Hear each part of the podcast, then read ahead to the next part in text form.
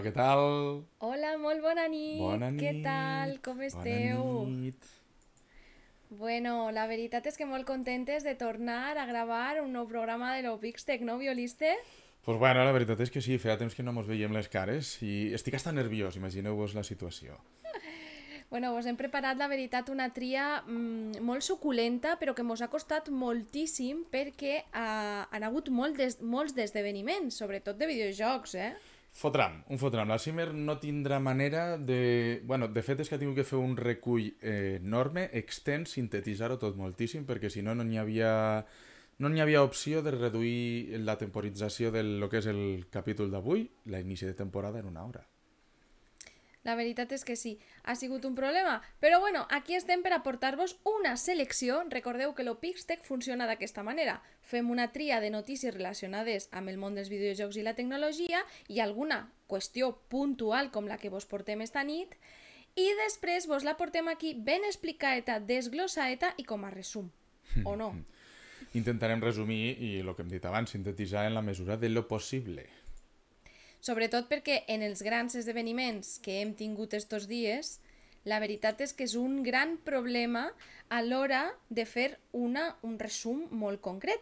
Així que hem fet aquí un, una selecció també de lo que s'ha vist dins dels, dels esdeveniments. A nivell de tecnologia i de ciència, dintre de lo que cap, hem fet un recoll perquè, vulguem o no, les notícies sí o sí, tots els dies, apareixen a les nostres xarxes, als nostres canals de feed, de RSS...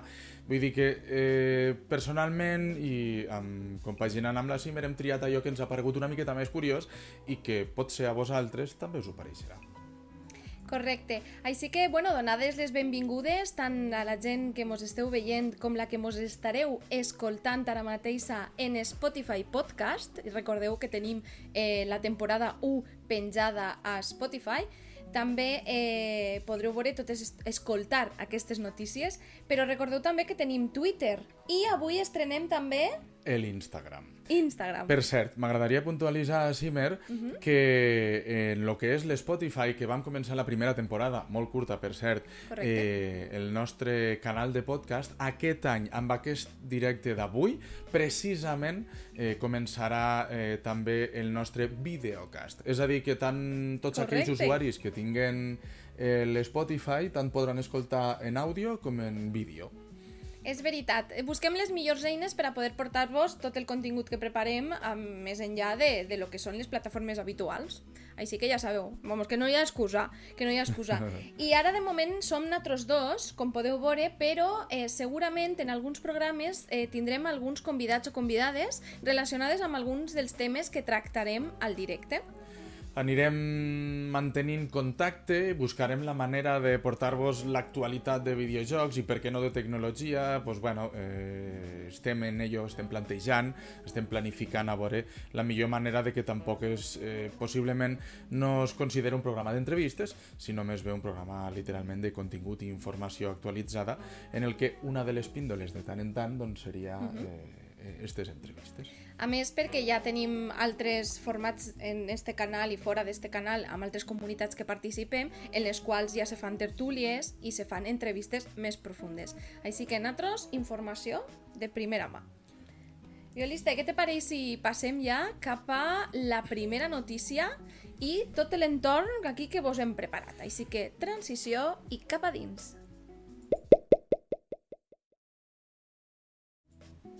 Hola de nou, què tal? Bueno, doncs eh, l'Ubisoft Forward i les seues novetats. Mare meua, que això també ve carregadet. Bé, doncs, què mos ha preparat l'Ubisoft Forward, així com a resum, perquè eh, mos, ha, mos ha arribat, la veritat és que moltíssima informació, disculpeu, que m'acaba de colar, aquí, i anem a fer un destacat. Per què? Perquè dins de l'Ubisoft Forward se m'ho va presentar també un showcase d'Assassin's Creed. És que damunt de tot el que hi havia encara hi havia més. Però per què? Perquè aquest any és el 15 aniversari molt de merchandatge a la pàgina d'Ubisoft que podeu trobar i a més una nova plataforma Infinity que en un futur és on se vol uh, recollir tot el que són els jocs d'Assassin's Creed, tota la saga i tota l'experiència del joc també. I també, a més, un podcast inspirat, parlant de podcast, que es diu Ressons de la història inspirat en Assassin's Creed. També s'ha anunciat, en recordes violista, aquell Assassin's Creed que se va dir ah, sortirà un Assassin's Creed, rumore, rumore, rumore, ha acabat sent l'Assassin's Creed Mirage, que estarà localitzat al Bagdad i sortirà al 2023. Tinc una pregunta. Aquest Assassin's Creed, perquè se'n genera el dubte, n'hi havia, era un, n'hi havia, van comentar un Assassin's Creed de transició o, i per després començar, diguéssim, o sigui, continuar la saga des d'un altre punt de vista? És aquest o encara és el, diguéssim, l'últim fins... Encara falta un altre. Ah. Encara falta un altre, perquè una vegada presentat el Mirage, més endavant, quan surti, que se presenta el 2023, sortirà un que no té res a veure amb el que és la saga, i es diu Codename Exe, que, ja, com vos he dit, pues, serà mm, totalment diferent i, en, i i fins i tot diuen que tindrà una mica de terror. Però bueno, és molt raro veure terror a l'Assassin's Creed, però bueno. És a dir, que podríem dir que aquest és l'últim, precisament, de l'estàndard habitual de l'Assassin's Creed. No, perquè encara queda un altre. és que han presentat moltíssimes coses, s'ha de dir, han presentat moltíssimes coses. I és que dins de aquesta plataforma Infinity, que serà com un hub per a poder trobar tot el contingut d'Assassin's Creed, encara n'hi ha un altre que es diu Codename Red, que estarà ambientat al Japó. O sigui, que imagina't, eh? I un altre també, que es diu Codename Jade, que serà per a mòbils i està fet junt a Netflix. Oh. Te'n recordes les vegades que hem dit Netflix, Netflix? Exclusiu per a plataforma també, segur? Només mòbil. I, de, i, I no sé, el que no sé és com se podrà adquirir. És a dir, se, se farà a través de Netflix... Mm, bueno, això està encara per veure perquè això és com a objectiu més llunyà no? Però bueno, en resum, que li queda molt a la saga, així que encara mos queda. Però bueno, en resum, el Ubisoft Forward es va centrar en dos videojocs principals, tot i que hi ha haver més informació, però principalment es va centrar en el Mario Rabbids, bueno, el Sparks of Hope and, i el Skulls and Bones, ja sabeu, aquell de pirates, que la veritat és que en quant a gràfics la gent no s'ha quedat molt contenta i continuen apostant per eh, el nostre estimat joc de pirates que tenim a l'Xbox i que a més tenim comunitats eh, catalanes que, que juguen a ni. Uh, passem, perquè encara queda una miqueta més, i és que tindrem l'Ubisoft Plus gratuït fins al 10 d'octubre i sorpresón a l'Xbox Game Pass violiste perquè tindrem el Assassin's Creed Odyssey. Ah. Perdó, ja el tenim. Ja el tenim. L'Odyssey ja correspon al de l'Egipte, no? El que m'agrada a mi. Tenim l'Odyssey, el Valhalla actualment. Correcte. I me falta un que se m'acaba d'oblidar completament el nom, però també el tenim. Bé, també vam rebre informació sobre la nova entrega de Division, Heartline, i la sortida a la tardor de la beta Division Resurgence, que també és per a mòbils. O sigui, estan apostant mogolló, ara ho veurem en les següents, per a mòbils. Més mòbil amb Rainbow Six Mobile i nova temporada de la sèrie Mythic Quest per a Apple TV, que jo no la coneixia i resulta que va és rotllo una sitcom, que al violista li agrada moltíssim, que és d'un estudi de videojocs que crea videojocs. És a dir, rotllo Silicon Valley, no? la, la sèrie aquesta dels treballadors de Silicon Valley que comencen en una, app, en una app molt xicoteta i comencen a pujar, doncs ara centrada en videojocs. Curiós, però sí, que un estudi de videojocs crea una sèrie sobre el que fan ells. No hem vist res d'Avatar, el videojoc que sí que vam veure en el Disney Marvel's Game Show. Per mi no fa falta veure-ho, eh? jo ho sento, eh, grans eh, eh, eh, podcasts auditius, vidents i aquestes coses, no m'agrada Avatar, no m'agrada la peli, no, els còmics, no, no puc. No. Pues està preparant una nova peli, un nou joc i un nou joc per a mòbils. Per això he dit que lo dels mòbils, la veritat és que va caldo, a tope. dos sí. tasses. Correcte. Tampoc hem vist res per part de Ubi de Star Wars Eclipse ni Far Cry. Així que estem una mica en el limbo de què passarà. Vale. Vale. Doncs seguim, després de, del nou impàs aquest, amb el Hitbox Fall Showcase. Eh, Simer, aquest és el de la Tokyo? No, tot i que parega que sí, però no. Aquest és el de eh, videojocs d'estudis independents, els indies, els videojocs indies, que mm, van poder seguir-lo des del canal de la comunitat dels bosses catalans. Així que passem a veure què, què ens han presentat.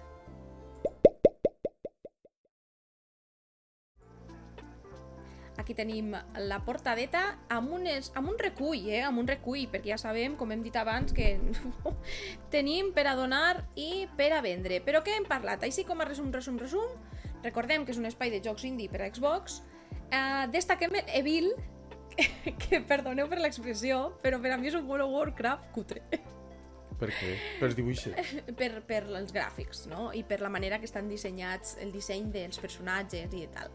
Però bueno, lo curiós és que tindrem un multijugador fins a 12 persones.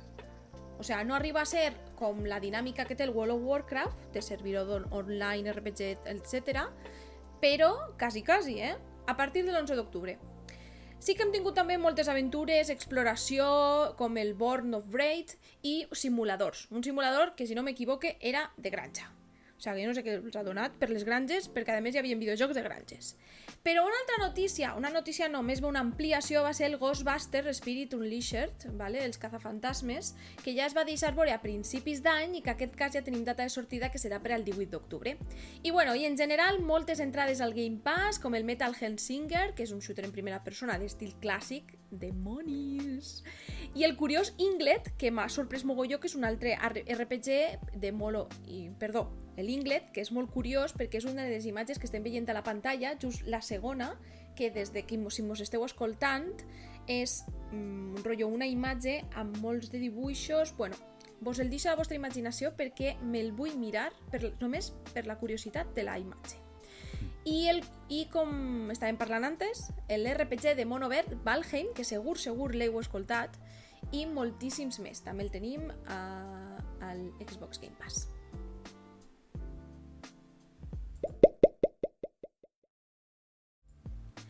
Ara sí, donem pas, òbviament, a la Tokyo Game Show. Tu has vist el tablero? És eterno. La veritat és que és una meravella. Poder estar allí personalment tindria que ser la llet. Encara no ha acabat per això, així que eh, aquí el que vos anem a parlar és només de tres estudis, tot i que podeu veure que tant del dia 15 com avui 16 hem tingut els 505 Games, hem tingut a Koei Tecno Games, Sega, Konami, Square Enix, Capcom, Microsoft, han hagut premis, l'opening... Però bé, passem un momentet abans de passar a parlar de tot el que hem vist per a veure els tres espais que Sí, tenim. M'has dit, m'has comentat que, que, que encara no ha acabat, dic, pensava que demà m'on anàvem a la Tòquio, jo què sé. saps? Escolta, pues no vos importaria, eh? eh nosaltres des de l'Opixtec encantadíssims de que mos conviden a anar a cobrir en valencià lo que és l'esdeveniment. Jo, me, mira, mm, pel que respecta a la meva banda, eh, aprendria el que farà falta, no passa res. Correcte. Parlarem de Capcom, de Tokyo, eh, perdó, de Xbox, evidentment, i també de Square Enix.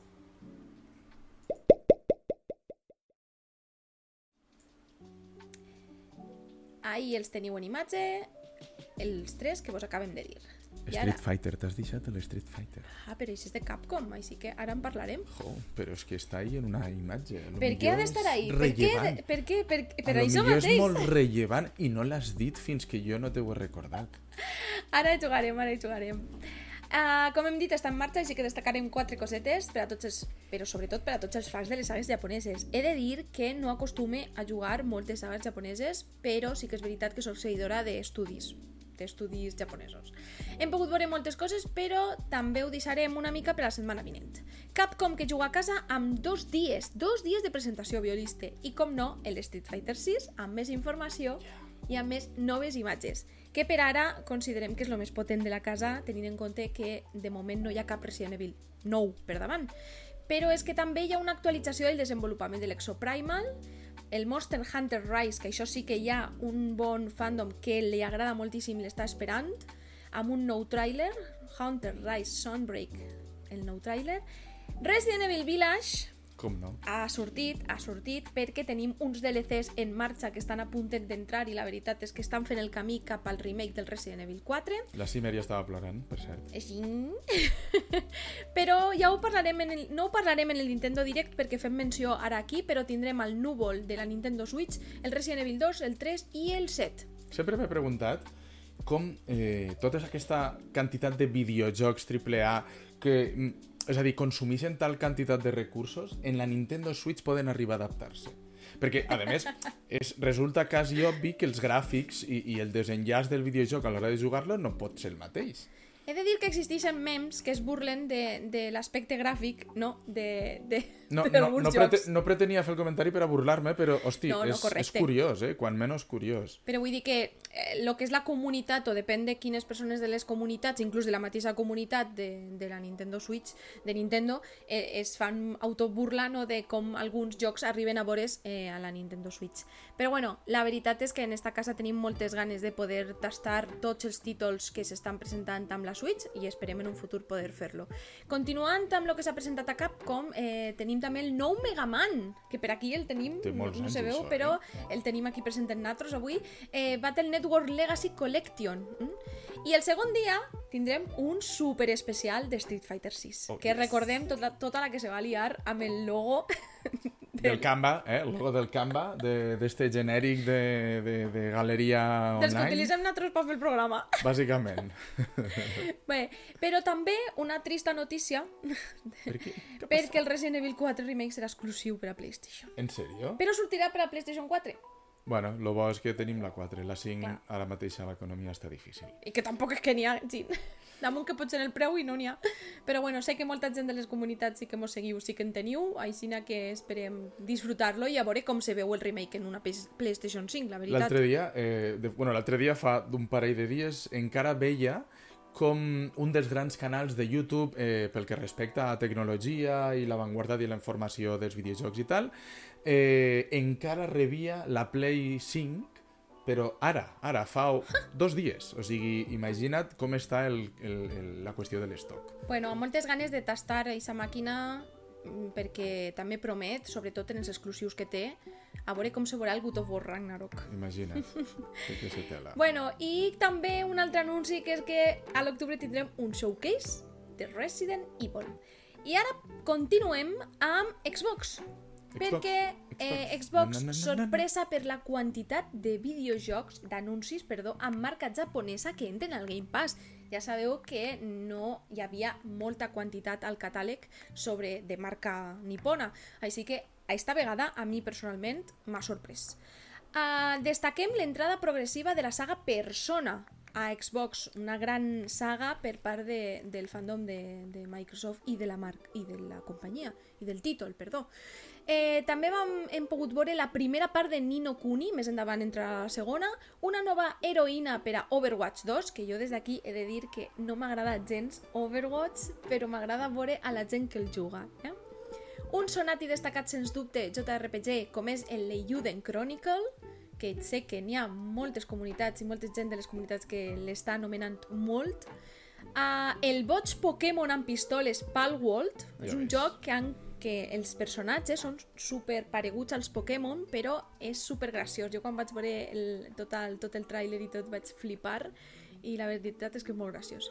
Però el que sí és notícia per la part d'Xbox és que Deathloop, que deixa la seva exclusivitat temporal per la PlayStation, arriba per fi a Xbox el 20 de setembre. I ja per a tancar aquesta part, passem a Square Enix. Curteta, eh? La part és curteta. És que el Tokyo Game Show té molta teca, de veritat que té molta teca. Ja vos dic que la setmana que ve ja vos farem un resum d'una altra manera. Matraca de la bona. Hem pogut veure a jugadores en viu, per tant no era un event, un apartat tan, tan formal com hem vist d'altres companyies. Eh, hem vist un, ex, un extens gameplay de l'esperadíssim Forspoken, eh, màgia, RPG... Bueno, és que m'encanta, tinc unes ganes, en exclusiva per a consoles de PlayStation i PC. El remake de la preqüela Crisis Core de Final Fantasy VII, mm, Reunion, amb un rentat de cara visual, millores de textures, colors, remodelació de personatge i menús... Vamos, que continua la mateixa història del 2008 per la PSP i el que fa és complementar al Final, Final Fantasy VII Remake que vam tenir. Nostàlgia per als fans, totalment. I altres títols com Star Ocean després de les crítiques que, que va rebre per l'entrega del, de la PlayStation 3, ja veurem com serà aquesta nova entrega, i el Valkyrie Elysium, un JRPG de mitologia nòrdica, no tot és God of War.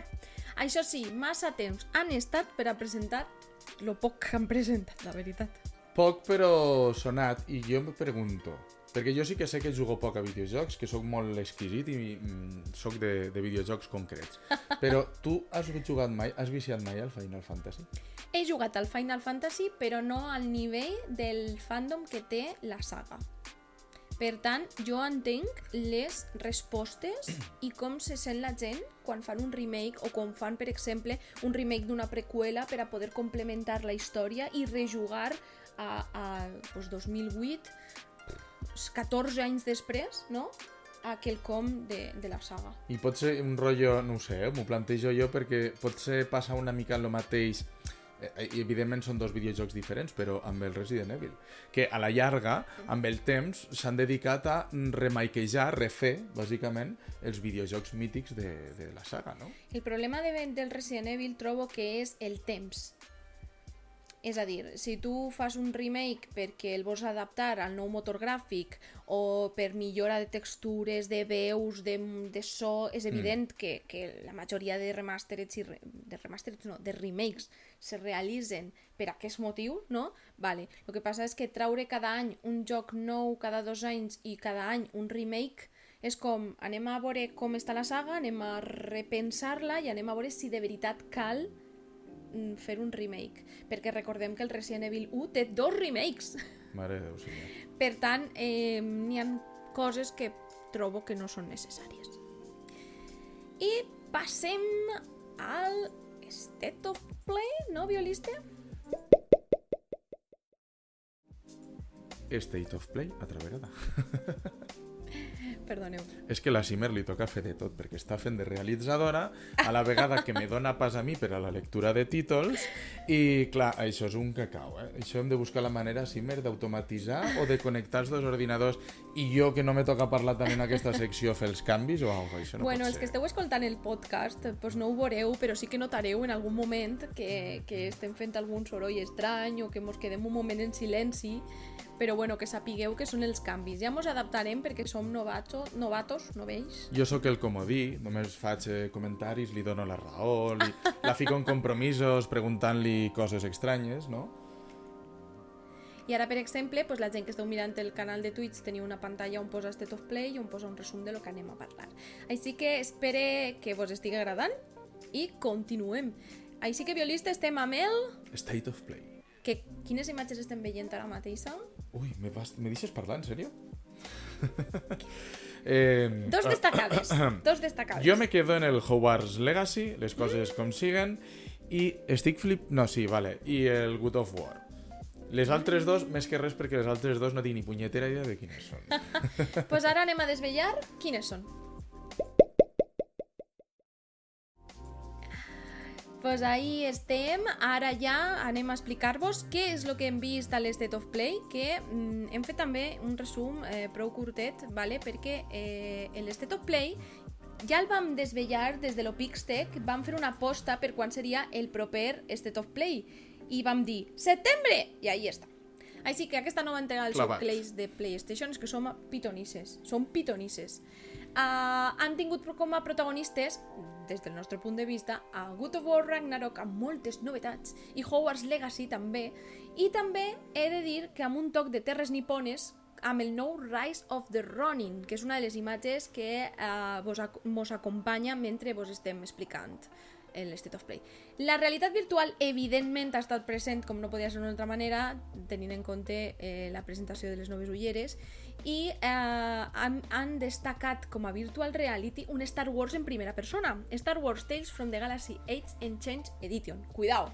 He de dir que pel que respecta a la realitat virtual, no totes les companyies sembla que estan per la llavor, eh? No, i des d'aquí vull fer una crítica perquè Microsoft ha agarrat i ha fet un contracte amb uh, armamentístic, no, mentira, està mal dit, un contracte amb, mil, amb els militars per a eh, donar-los... Uh, Ah, per les HoloLens. Sí. I clar, jo aquí me plantejo, jo sóc contrària de qualsevol empresa que posa diners a nivell militar, però bueno, no se pot fer res perquè és el que hi ha, no? Bueno, però els bancs, al cap i a la fi, avui en dia, tots inverteixen en Correcte. armament i tot el món estem en determinats bancs. Així que mm, és molt, molt prima la línia, és molt prima la línia que separa eh, lo ètic de lo moral. Lo ètic i lo moral. Eh, que això que vos anava a dir me pareix super malament que s'hagi fet, però el que més malament me, me sembla és que la Xbox no tingui ulleres de realitat virtual. Bueno, tot arriba. En el seu moment va ser pionera pel que respecta amb els, amb els aparells, amb el hardware apt hàptic, no? Aquest fantàstic de, però mira, diràs que s'ha quedat una mica enrere. Jo penso que ho estan treballant d'una manera molt pausada, molt tranquil·la, i de la mateixa manera que estan invertint eh, per lo que respecta a la inclusió de les videoconsoles amb la resta de la societat, Sí, amb sí. xicotetes deficiències físiques, psíquiques, etc., doncs arribarà el dia que la realitat virtual també estarà a l'ordre. Sí, això és destacable. De fet, ja ho podríem parlar en alguna, en alguna tertúlia, ja ho portarem, el tema de l'accessibilitat per part de Microsoft, tant en consoles com en el que són perifèrics i qualsevol eh, element mm, a nivell informàtic, no? Adaptable. a- adaptable a qualsevol circumstància de les persones. Una de cal i una d'arena, però no pot ser això, eh? Un estiró d'orelles. Bueno, parlem de Star Wars, que la veritat és que ha rebut crítiques pels gràfics que han vist, que s'han vist. Per què? Per què? Pues perquè els gràfics no han agradat. Mm, Oh. Diuen que no està a l'altura ni, ni lo que és l'escenari, ni lo que són, lo que es veu, vamos. Per norma general, això Pareix sempre... d'altres anteriors, d'altres èpoques anteriors. Però per norma general això moltes vegades... Clar, i si parlem de realitat virtual, doncs és que a vegades... Mm, a vegades no. Les coses són un fet. La realitat virtual a nivell de gràfics eh, sempre va bastant per darrere. Encara no... O sigui, l'hiperrealisme no ha arribat ni dir d'ahir vindré. Bueno, s'estan treballant moltes coses, però sí que és cert que encara queda molt per treballar. Però bueno, eh, si poguérem provar-lo, pues la veritat és que vos podríem dir. Però molta gent de la, del, que sí que l'heu provat i que són persones que treballen en la indústria pues han donat veredictes d'aquest tipus. Però bueno, temps al temps. I un altre que me pareix super curiós és un joc de rol amb daus, amb figures i amb cartes que es diu Demeo, també en realitat virtual, però a més es veu gegant. De meo. Sí, sí, és el taulell i, i tu vas mou, movent-te amb, les, amb les ulleres de realitat virtual. És com el, com el joc de- d'escacs de, de Harry Potter, de la primera peli. Sí, com si estiguérem ahí, més o menys, no? Molt bé, i altres títols que hem escoltat, és, són noms que hem escoltat de títols com Pacific Drive i el seu món apocalíptic amb un cotxe, Stellar Blade, eh, que vo- recordareu segurament per l'anterior projecte EVE, i que també vos recordarà un estil de gameplay i mecàniques estil Bayonetta i alguna coseta més.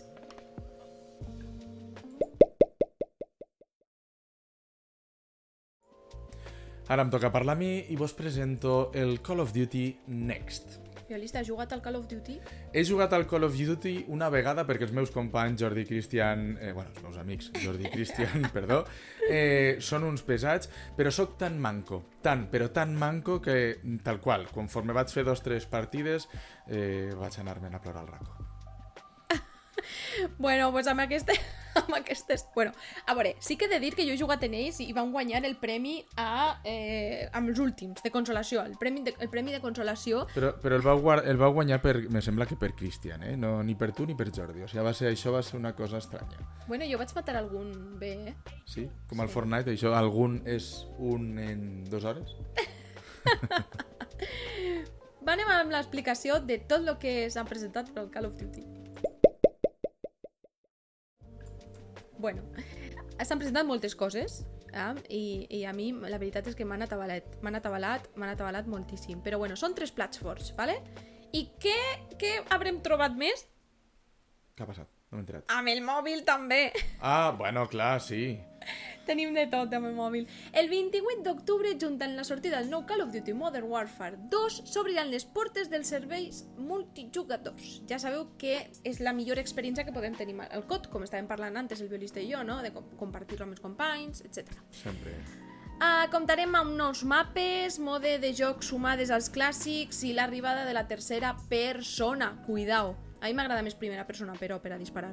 Atenció a les dates. Accés previ de la beta des de PlayStation que tindran prioritat amb reserva el 16 de setembre a les 7 de la tarda, que ja estan jugant, de fet, ja estem veient directes a Twitch on ja s'està tastant. I sense reserva el 18 de setembre al 20 de setembre. La beta Crossplay, és a dir, se sumaran PC i Xbox, la tindrem amb reserva el 22 i 16 el 24. Pregunto. Digues, Així te tallo i respires i pots tragar saliva. I veurem. El, la, la beta crossplay aquesta, jo me plantejo si sempre passa lo mateix amb el Call of Duty.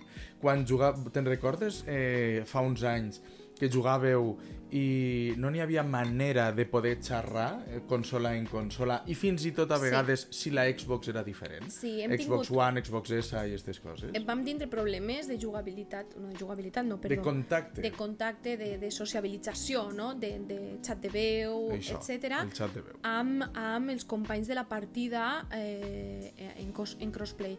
Per tant, jo no sé si això s'ha solventat, si només teníem els problemes els que teníem la Xbox, que en aquell moment era la Xbox One, quan vam fer el torneig. Mm. Uh, pues no ho sé, la veritat. Tinc curiositat i potser des de l'Opixtech pues, a lo millor vos fem alguna ressenya sobre aquest assumpte. Quan surti podem plantejar... No res, Mm-hmm. una publicació. Funciona? No funciona. Bueno, per als que tenim Xbox, pues a partir del 22. No, 24, que nosaltres no tenim reserva. Però bueno, parlem de la mida, perquè és una de les coses que sempre ens preocupen, i és que en aquest cas eh, ja podeu anar preparant entre 15 i 30 gigas. No fer una broma en la mida, però quedava molt mal. Sí. Eh, Bueno, mm, és que a més, eh, anem amb la mida, que és una de les coses que sempre ens preocupen. Ho has dit tu, no ho he dit jo. Bueno, bueno, Vull dir que- bueno, bueno. Deixem a volar la imaginació de la gent que mos esteu escoltant avui. la beta comptarà amb recompenses que, cuidau, no podrem trobar al joc final. És a dir, que espavileu si voleu tenir-les i sou uns fanàtics i fanàtiques dels, eh, dels assoliments especials i, i d'aquesta manera. Uh, el Warzone 2 eh, veurà la llum el 16 de novembre i la seqüela comptarà amb un nou mapa com és Al-Matra. I torna a Verdansk, i en aquest cas, com hem parlat abans, Violiste, al... Al Warzone Mobile. Al Al Call of Duty Mobile. Mobile. Sense joc creuat, però. És a dir, no podrem jugar tu amb l'Xbox, jo amb el mòbil. Però sí entre mòbils. Entre la qüestió mòbils, és, eh, clar, hòstia, i entre, entre iOS, és a dir, iPhone i, i Android? Bona qüestió perquè això no s'ha especificat.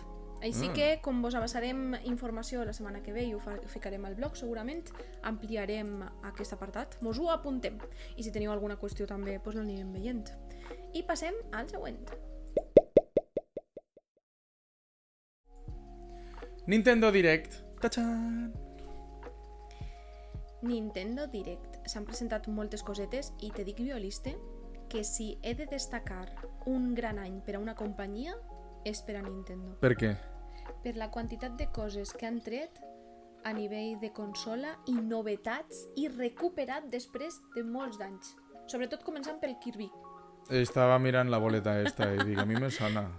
És que a casa hem tingut fases, hem tingut fases, hem tingut eh, consoles eh, de Nintendo, però hem fet mancança en algunes generacions. Però bueno, tot és recuperable, tot és recuperable. I ara anem a parlar, doncs, de tot el que s'ha presentat al Nintendo Direct, Violiste. Què ha passat? Uh, Què ha passat? Està... Jo ho tinc perfecte, tu eres la que... tu has jugat algun Zelda? Sí, és Mira, que hosti, m'he passat, ahir- passat, la, la, passat la pantalla. Ahir m'ho pre... ahir preguntava una alumna. Ai, ai, ai. Ahir, un, no, alumne o alumne? Bueno, és igual. Ahir m'ho preguntava una alumna, una persona alumna. Així sempre queda inclusiu. I recordo que sí que he jugat al Zelda, però vaig jugar a la Game Boy. És a dir, jo era tan xicotet, tan nano, que ni me'n recordo. Tot i així, en la Game Boy era més de gargoyles i de Mario. La Game Boy, en la... jo he tingut un parell... L'original. La U. Però la veritat és que eh, com no he pogut tindre jo personalment pròpia una, una, una Game Boy i de, de fet les primeres de la casa Nintendo jo he tingut molt poquetes i si han estat han estat prestades o han estat tal i per tant només he pogut jugar a mm, jocs puntuals. I ara com estem en directe disculpeu però vaig a tallar un moment els micros perquè si no tindrem un problemeta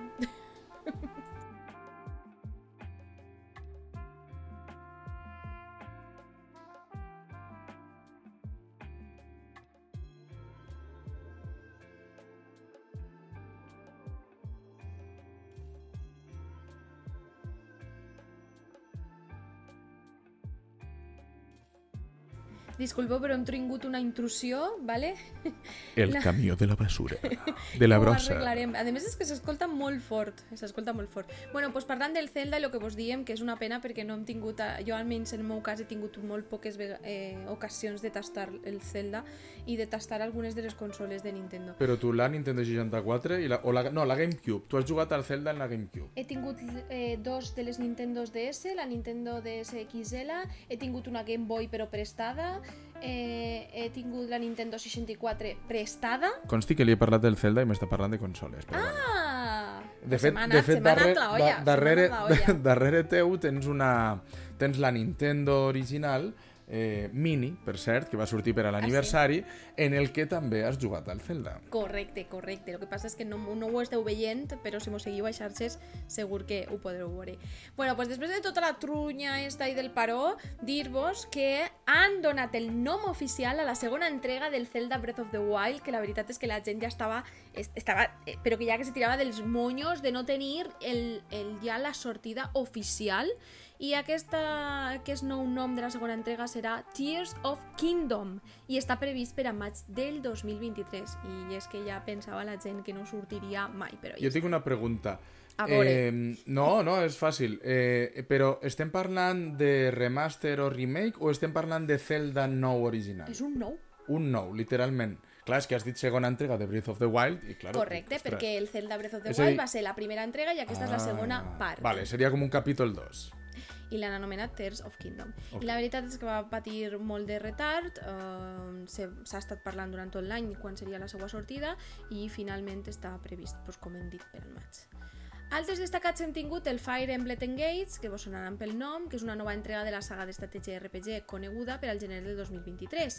I és que a més Square Enix també ha fet una entrada per aquí. És a dir, no teníem prou amb el que s'ha presentat al Tokyo Game Show i el tot el rato que s'havien tirat, que mos han portat el segona entrega amb un trailer de Octopath Traveler 2, que és una pena perquè no el conec.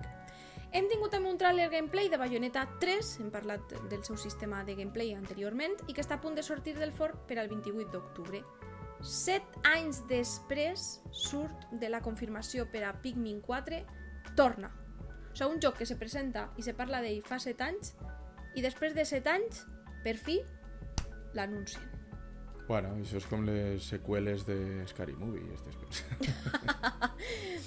Bueno, eh, el tema és que no és la primera vegada que una companyia pues, tarda tants anys en traure una, una seqüela, però a més que s'ha anunciat prèviament, si no s'haguera anunciat, doncs bueno. Els propers jocs de Nintendo 64 que aplegaran a Nintendo Switch Online, com Pokémon Stadium, que a sí que he jugat, el Mario Party, que també li vaig fotre una viciada amb la Nintendo DS, i el Golden Eye del 007. això és- això t'anava a dir.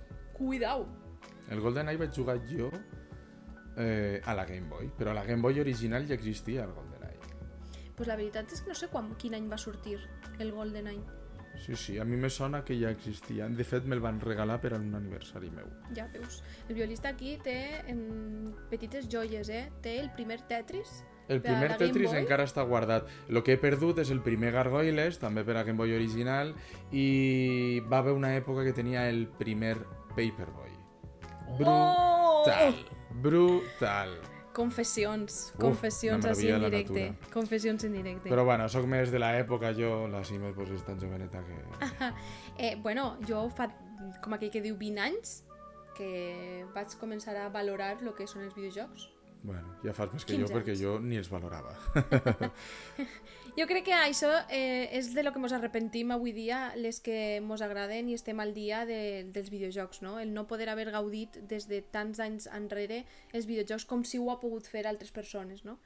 És bueno, les novetats en l'època era, va ser un canvi, va ser una evolució en la societat, en la tecnologia, i tot això I comporta... que no estava ben vist, o sea, no estava ben vist, vull dir. Vull No, dir. estava, sí no que estava estava ben tan vist. normalitzat. Això, no estava normalitzat en l'àmbit de que tota aquella persona que, que jugava a videojocs estava tancada a casa, no fotia res. El i... friki. Molt bé, els friquis. I ara ser friqui està de moda i dius, pare meua. Ser friki està de moda, ser, què sé, 50.000 paraules d'aquestes estranyes. I mira qui arriba a Switch, violiste. Què ha passat? M'he perdut. El It Takes Two Ah, el It Takes Two, que encara... que el vam començar a jugar i ens No ha quedat acabat. Mitges... Eh, Sifu i Tunic. Tunic, que vos en recordeu aquella raboseta que pareix un Zelda però pareix també un Dark Souls? Un Que pega Souls? voltetes i en la cua... No? Mm, no, esta era més a saco. Ah. A saco paco, saps? Però bueno, un estil Dark Souls i el Den Ring i aquestes coses. Pues no va per ahí, aleshores. Després tenim el remaster del Kirby's Return Dreamland Deluxe per al febrer del 23 i una mica de Survival Horror amb Fatal Frame Mask of the Lunar Eclipse. Mare Cuidao, perquè este anteriorment s'anomenava el famós Project 04 que va sortir el 2008 però per què ara canvia de nom i arriba així? Doncs perquè no va sortir mai del territori asiàtic. Se va rumorejar la, la seva arribada i podem confirmar.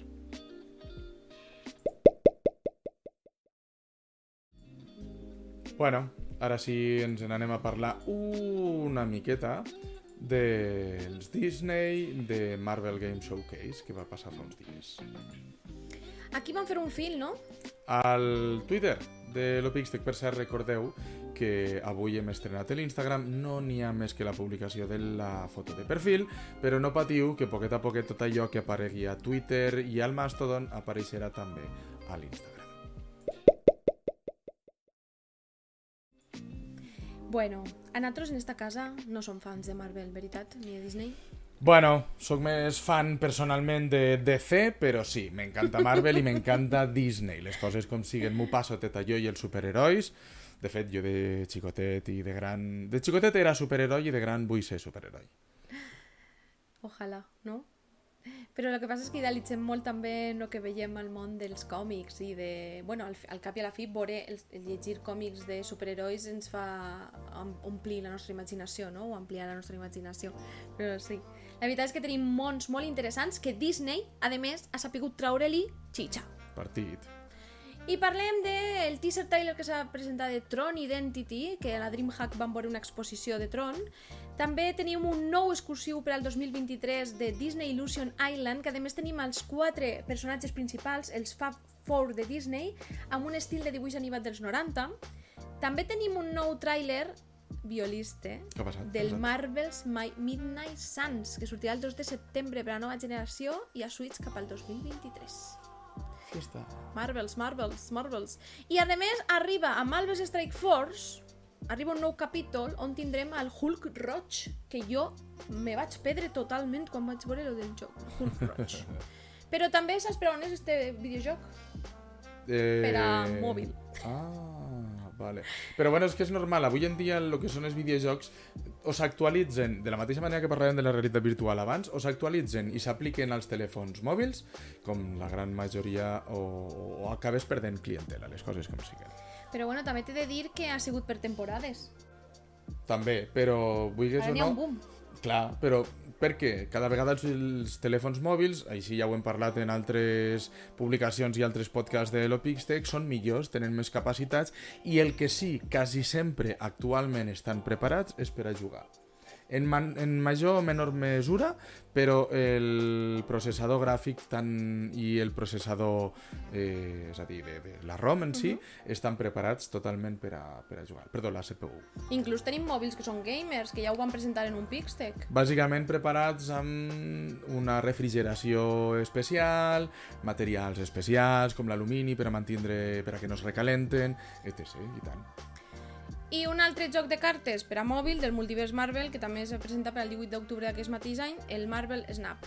I ara passem amb un joc que es diu Aliens Dark Descent. Els aliens també s'han posat de moda i comencen a traure moltes, mm, moltes entregues d'IPs amb, amb el títol de- d'Alien. Però Alien ja de per si era una franquícia, sempre ha sigut una franquícia, Correcte. tant en el cinema com en els videojocs, molt Però de la activa. mateixa manera que, que amb els mòbils ha hagut un boom, amb Alien, amb la IP d'Alien, també ha hagut un boom. I aquest en concret, Aliens Dark Descent, se va presentar al Summer Game Fest i el que van fer pues, és, ens van presentar un gameplay nou. Mm. Tornem amb Pandora, amb Avatar Frontiers of Pandora, Perquè... que és de Ubi, però és que en Ubisoft Forward no va sortir res. I aquí el que van fer en el Disney and Marvels va ser repetir un tràiler que ja havia sortit. Vull dir que no hi ha res. Molt originals, sí. I Lego, en la seva línia amb Star Wars. Oh, que guai. Però Esto es- bueno, Lego sempre... No, defra... no, de... no, o sea, no defrauda mai. O sea, Lego, vulguis o no, I sempre estan traient coses de Star Wars. Jo crec que tenen aquí un xollo muntat prou important. Bueno, com a franquícia, tant en, pel que respecta a lo físic i les construccions, com pel que respecta als videojocs, ho tenen fantàstic, està molt fet. Doncs el Nadal apregarà amb tots els DLCs la edició galàctica de Lego Star Wars, la saga Skywalker, i amb nous personatges, com hem dit, i que si ja tens el joc, pues no passa res, no passa res, perquè ho pots comprar en mode paquet, aquests nous personatges. Ampliació del desenvolupament de l'esperat Return to Monkey Island per al proper 19 de setembre a Switch i PC, que també és un altre gran esperat i un mític, el Monkey Island. I la res... Aquesta li agradarà al violiste. Violiste. Re- La, ah, la què? La remasterització del Gargoyles, claro. Però aquest és en color, i el que jo estimo i no oblido era en verd i verd fosc. Bueno, les típiques pantalles de, de tinta, no? De tinta de la Game Boy, clar, clar. Bueno, segons l'any l'any en què hagueu nascut, coneixereu la versió que ens està parlant el violista, i si no com jo, que vau néixer amb la sèrie animada que té el mateix títol i que a mi m'encantava, que la veiem a la 2, i me'n recordava vindre a la 2. Hosti. Venia de, de l'escola i mentre dinava pues, me la posàvem. I Disney i Pixar s'ajunten de nou per a presentar-vos Mirrorverse, el llançament definitiu per a mòbils que tindrà com a protagonista els antagonistes de les pel·lis Disney. Úrsula, Hades, Maléfica, a l'octubre. Speedstorm, un Mario Kart, un Mario Kart, però Ah, amb personatges Disney. amb Disney i Pixar. Cert, van veure el tràiler. Jo el vaig veure. Està previst per a un free-to-play, vale? però segurament me ho jugué tot, que hi haurà compres, micropagaments, microtransaccions per a comprar. Bueno, com sempre, que si vols una Objectes. skill, que si vols un cotxe nou, que si vols un kart X... I el, Dream, el Disney Dreamlight Valley, que ha entrat per la porta gran, la gent està super enganxada i és un rotllo pues, Sims barrejat amb My Time at Portia, que aquí en este canal s'ha jugat, pues, ha presentat una ampliació de contingut basada en Toy Story. No. Sumem un altre videojoc a la llista per a mòbil d'Avatar. Altra vegada. Sí, per a, molt, per a mòbil. Reconing. Mare de Déu. Un altre que prometen que serà com l'Uncharted, que té que veure amb Wakanda i París, Capità Amèrica i Black Panther. Jo he de reconèixer que per mi, quan vaig veure el tràiler en si, me recordava molt més, per exemple, al Gotham Knights, que estan desenvolupant eh, Warner Games i DC, ¿vale? Oh. Però, mm, qui sap, ja ho veurem. I passem a... Els jocs de mòbil en realitat augmentada s'havien quedat enrere amb Minecraft, The Witcher i Pokémon Go. Vos equivoqueu, perquè ara pot ser un superheroi de Marvel violista amb World of Heroes de la mà de Niantic per al 2023. Cuidao. déu nhi I al final del showcase, violista, ja sabem que això és com quan fa, veus eh, una, les, les imatges postcrèdit de les pel·lícules i tal, van veure, cuidao, Star Wars Eclipse, imatges, Star Wars Jedi Survivor, Kingdoms Hearts 4, Marvel's Spider-Man 2, violista que ara tens per el Smi- el Spider-Man 1, Sí, que no l'he jugat encara. És que me sap greu obrir-lo. i de Star Wars Hunters, i cuidao perquè van veure la mà de Lobezno. I ara me'n recordo del Dani Laji. Ah, besta!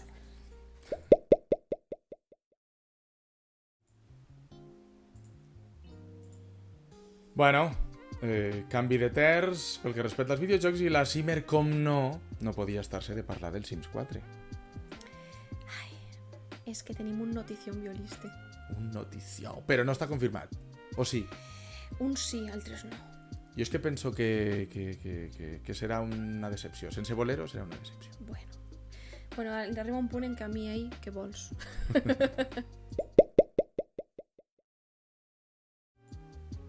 El Sims 4 presenta nova imatge. Sí, senyores i senyors i senyoretes, senyoritos, niños i niñas i els Simmers.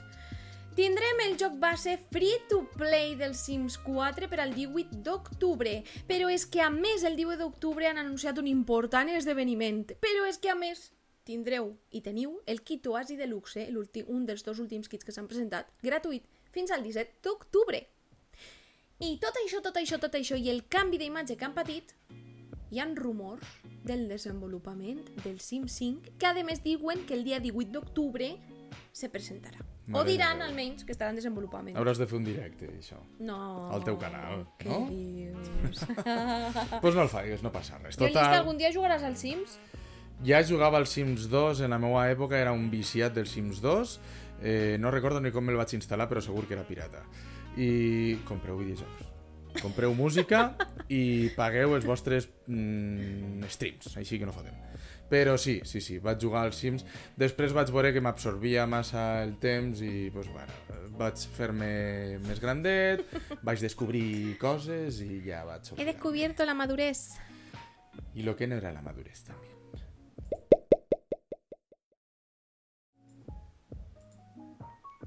Què passa ara?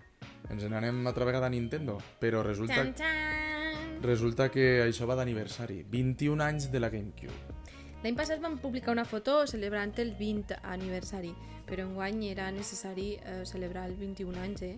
És que no pot ser. Cada any tens és necessari celebrar l'any de més. Correcte. Mare, no podríem, no podríem. La gent que juguem a videojocs de totes les plataformes arriba a un punt en el que no podem estar al tanto de, de totes les coses que se presenten. A veure, sí, en francs. 21 anys de GameCube que va sortir a la venda per primera vegada el 14 de setembre del 2001. Que queda aquí al costat, eh? Això. Eh, Sí, Al costadet, al Canvi costadet. de mil·lenni, va, això són do, dos dies, fa dos dies. Al Japó. Després va vindre a Europa l'any següent, el dia 3 de maig. Jo vaig a destacar-vos els meus jocs preferits, que en aquest cas són el Mario Kart Double Dash, edició col·leccion i l'edició col·leccionista de la Zelda, que va vindre per a la GameCube amb diferents jocs, sobretot els antics, sobretot els que el violista ha fet menció, però el que a mi més, més, més, més, més agrada i també me trau de polleguera és el Zelda Majora's Mask. Te'n recordes? És horrorosament horrorós la melodia que, de, del joc este, per favor. També. I d'este no és el que va sortir la del... La del Rubius! La del subscríbete. Su, su, suscríbete. Que no Sí. és aixina, que sona la cançoneta. Tu, Sé que mos estem endarrerint, però a mi m'agradaria dir-vos que uh, jo no sabia que aquesta cançó venia de, de... que el Rubius havia agarrat aquesta cançó del Zelda. Més ben no ho recordava, jo perquè has d'entrar a les tendes per a poder escoltar-la. Rollo cançó de mobiliari per tal de que faigues la compra eh, d'allò més a gust. Violiste, ara tenim una cosa important. Com quina? La troca? Ah, però... Ah, bueno, bueno, bueno. Què és la troca? Eh, la troca... Clar, la troca... La troca... Sí que ho sé, home, no us penseu que no. La troca és una gran trobada i la primera gran trobada de creadores de continguts dels països catalans. Txan, txan, Sí, txan. heu sentit bé. De tots els punyeteros països catalans, diràs que els tres governs s'han ficat d'acord Ahà. i han decidit fer algo decent i com Déu mana. Que ja és raro, eh? Que, Ja bé. se, se posen d'acord. Ah. Déu-n'hi-do.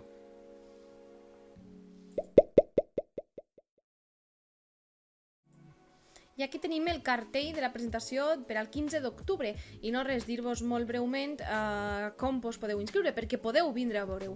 El 15 d'octubre es celebra a Palma. Les inscripcions estan obertes a, al Twitter i a l'Instagram de arroba baules de llengua, que és la Diputació de Palma, eh, eh, per, perdó, és la Diputació de les Illes Balears, la Diputació o la Direcció General de Política Lingüística? Pues ara m'equivoco, potser. Però bueno, arroba baules de llengua i ahí tindreu l'enllaç per a la inscripció.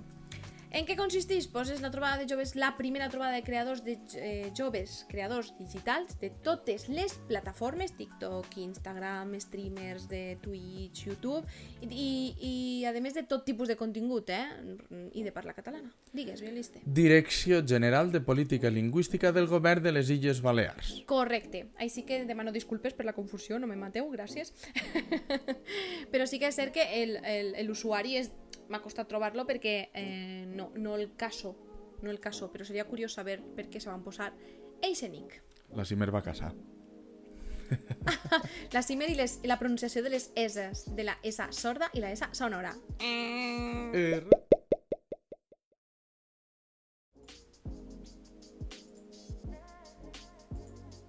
Si no, no, tranquil·la, Simer, si jo t'estic mirant tota l'estona, no, no Tin, patisques. ton, tin, tin, ton, tin. Bueno, doncs ara passem per lo que respecta a la secció de tecnologia o ciència una miqueta, ¿vale? Anem a parlar de- d'algunes cosetes més eh, no tan relacionades amb els videojocs. Passem a... aquí i ja. M'encanta perquè eh, com he de passar d'escena, de, de, d'escena, no? Això, Som- Som... això es fa més natural. Som molt professionals, nosaltres. Sí. Ja ho veieu. Eh, na- nosaltres mos ho fem tot. Mos ho cuinem, mos ho mengem i ho exposem. Adelante. Pues bueno, la meva carpeta ciutadana és una nova aplicació que ha trobat el govern, que ha tret el govern estatal, ¿vale? Eh, per què hem considerat que és curiosa? Doncs vamos, perquè bàsicament avui en dia per a fer qualsevol tipus de tràmit ens hem de dirigir a 50.000 llocs, ¿vale? Correcte. Doncs amb aquesta aplicació, que ara mateixa eh, està disponible tant online com per a iOS, en els iPhones, com per a Android, eh, podrem fer, en principi, la gran majoria de tràmits i gestions corresponents amb les entitats eh, públiques de l'Estat. Vale? Uh, com esteu veient a la imatge, eh, vos parlem del, del resum personal, de les cites, consulta de les cites prèvies, totes les dades en un sol lloc, no? Tot allò que sempre hem desitjat, que mos hem plantejat de que, hosti, per què tenim que anar de pàgina en pàgina per a trobar tota aquesta informació? Doncs, bueno, sembla ser que eh, han donat un pas endavant i volen eh, començar a unificar-ho tot. Què és la carpeta ciutadana? Doncs bueno, la carpeta ciutadana bàsicament no deixa de ser un espai personal online vale? que ens facilitarà eh, el contacte amb les administracions públiques. Aquesta nova versió, perquè ja existia abans, bàsicament forma part d'un programa pilot. I el programa pilot en el que nosaltres, els usuaris, ens dedicarem a eh, reportar i interaccionar val? Uh, amb els desenvolupadors de l'aplicació doncs el seu funcionament, els seus bugs, les seues errades Vamos, com un beta tester de videojocs. Tal qual, ok? Eh, com podem accedir? Doncs, bueno, eh, bàsicament, òbvia, i és de molt obvi, eh, ens farà falta un certificat digital o el clave permanent o el clave PIN o el DNI electrònic. Que des d'aquí vos recomanem que vos tragueu el certificat electrònic perquè ho necessiteu ja per moltes coses i moltes gestions, eh? Bàsicament. És a dir, avui en dia està a l'ordre l'utilitzar aquest tipus de claus per tal de poder fer qualsevol gestió i no requereix d'aquesta manera anar personalment, fer cua, esperar-te un o dos o tres mesos a que te donen cita, vale? Bueno, així en resumides comptes, què mos ofereix aquesta aplicació? Doncs, bueno, comunicar-nos amb les administracions, que ja vos hem comentat, eh, serem més concrets també, consultar les cites prèvies per a fer les gestions, presentar els escrits, sol·licituds a l'administració, accedir als tràmits, consultar els expedients en curs o finalitzats, Això és meleta, eh? clar, relacionats amb habitatge, amb educació, poquet a poquet es va ampliant l'oferta. Accedirem a les nostres notificacions, eh, Hisenda, Seguretat Social i aquestes coses quan estigui disponible també i, sobretot, rebre estos avisos i alertes de notificació. El que sí que tenim que tenir, el que sí, perdó, el que sí hem de tenir en compte, i és molt important, és que principalment ara només es poden fer consultes. Vaja, que estrany. Vale? Ai, doncs, amigo. les gestions, tot i que sigui molt bonica l'aplicació i la idea, encara ara mateixa, i com de broma li dia a la Cimer quan vam trobar la notícia, eh, només es poden fer des de la pròpia pàgina de l'administració concreta. I és a dir, trobarem molts d'enllaços dintre d'aquesta aplicació que ens portaran a la corresponent pàgina i no es podrà fer tot encara des de la pròpia aplicació. Vull dir que encara haurem d'esperar una mica per a que això se faci efecti d'una manera efectiva però i que sigui bona no? per a poder gestionar-la i que la gent, sobretot la gent gran que comença a utilitzar mòbils o que utilitza mòbils que són d'estos eh, especialitzats i adaptables a, a, a, a nivell visual, etc. Perquè... És difícil, és difícil. Eh, Sí, encara. és que és molt... Jo entenc que és molt difícil i molt complicat, sobretot quan estem parlant de l'administració general. És que Ah? està tot molt dispers. Jo Sí. encara, encara m'ho pregunto el que sempre hem parlat alguna vegada, no? Per què en el carnet de conduir ja no pot constar... Tot? O sigui, no pot figurar en el propi xip o en el propi DNI, que conste Correcte. tot. El DNI que, que, que exerceixi la seva funció de DNI, de carnet de conduir, de targeta de crèdit, I que etc. també etc, una etc. cosa que entra en, en conflicte un amb els altres per el tema dels estatuts d'autonomia és el fet de que cada comunitat autònoma o cada territori tinga les seues aplicacions, que n'hi ha que tu entres i estan millor que altres, però sí que és cert que com cada una au autònomament pot fer eh, les seues aplicacions per a millorar la comunicació amb la ciutadania, eh, cada un va per un costat. I això també és un problema. Depèn de lo que, com se mire. Bueno, això atén a la raó de les comunitats de primera, de segona i aquestes coses, no? Depèn les competències que, que el govern central et deixa tenir.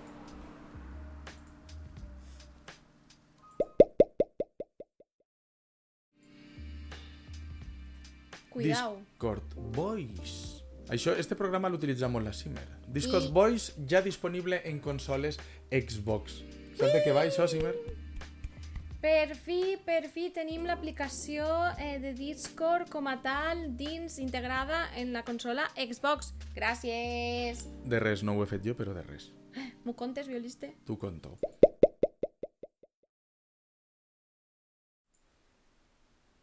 Doncs bueno, ara entrant al juliol, al mes de juliol, s'anunciava que, que Discord i Xbox està, i Microsoft estaven treballant en optimitzar la- l'experiència de l'àudio, ¿vale?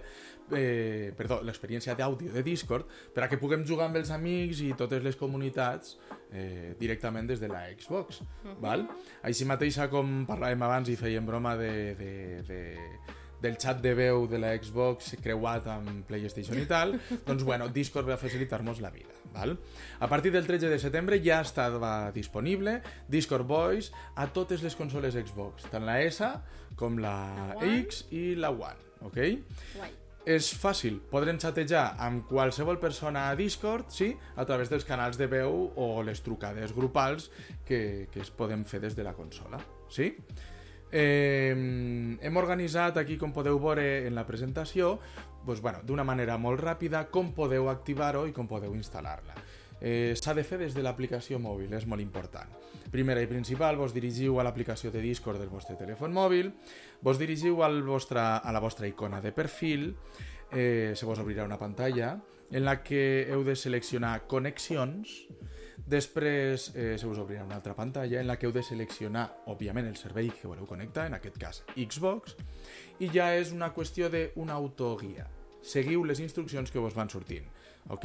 Vos avisarà que Xbox ja, eh, perdó, que Discord ja està disponible per Xbox, li doneu a començar, vos dirà que primer heu d'iniciar sessió amb l'Xbox, li dieu que continuar perfectament, vos demanarà que accediu amb el vostre nom d'usuari de Microsoft o de la Xbox i aquestes coses, permeteu okay, l'accés a la informació, perquè si no, doncs, com passa en altres aplicacions, no funcionarà.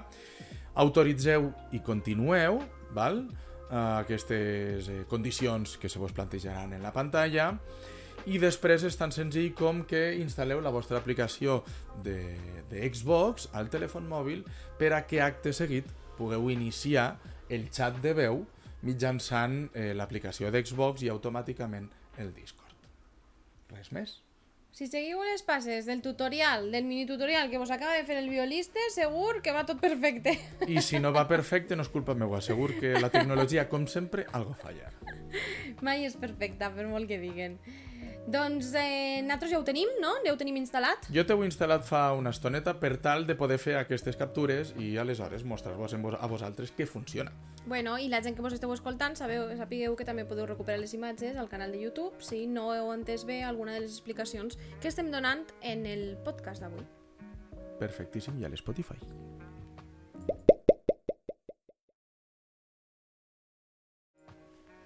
Bueno, anem a parlar d'una cosa curiosa. M'ha paregut curiosa bàsicament perquè sempre, tot Cristo, eh, depenem, o, o actualment, millor dit, depenem de les aplicacions de pagament que tenim als nostres telèfons mòbils, als nostres eh, tel eh, rellotges intel·ligents. Uh -huh. Doncs parlem del Open Wallet. Mare meua, com has de cobrir jo el que era el NFC i pa què servia. Bueno, pues és, és meleta, després se va acabar aplicant a les targetes de crèdit. I te'n recordes quan van haver-hi de, de fer control perquè robaven els diners arrimant-se als mòbils? Clar, no n'hi havia...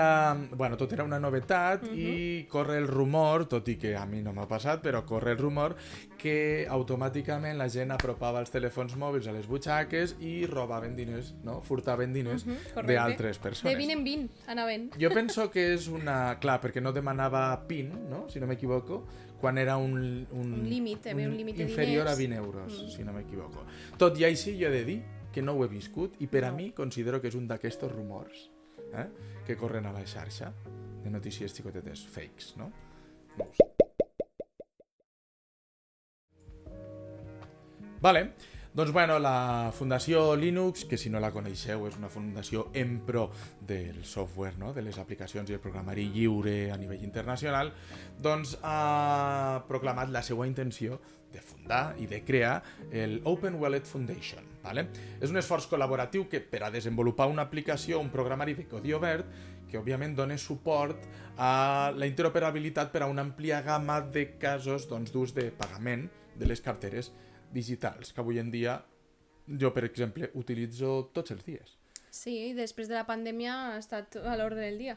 Jo perfectament tinc, me sembla, 15 euros a la cartera i fa a lo millor dos mesos que tinc aquests 15 euros perquè allà on vagis gràcies a la pandèmia, com comentava la Cimer, ja pots pagar eh, un cafè, val? un 20, un 10, un 30 o 40, depèn d'on te prengues. I per què no parlem dels bízums? Clar, Escolta, que te faig un bízum! ah, vas a sopar amb els col·legues i resulta No que tens- no no, tens tens, diners, metàl·lic, o- doncs fas un bizum i ximpon, no? doncs bueno, a hores d'ara la iniciativa ja es beneficia d'un fort suport, vale? Accenture, Avast, l'antivirus famós, l'Open Identity Exchange Mm. i organitzacions d'estàndards i representants del sector públic que ja s'han posat en contacte, eh, no obertament, si no vos haguem ficat la informació, però que s'han ficat en contacte amb la Open Wallet Foundation per tal de... Gener... Bueno, perquè els ha generat un interès i volen aplicar aquests serveis en les seues plataformes. Penseu que, per exemple, jo m'he apuntat a unes oposicions fa... avui, no, ahir, i avui he fet el pagament i l'he fet online. Correcte. Vull dir, aquest tipus de plataforma, doncs per norma general són plataformes privatives, plataformes que corresponen a empreses privades. Eh, què faria la Open Wallet Foundation? Doncs generaria un programari, un codi font, que altres empreses podrien utilitzar sense ànim de lucre Molt bé. val? per tal d'oferir una aplicació, òbviament, molt més segura a, a l'usuari com és nosaltres.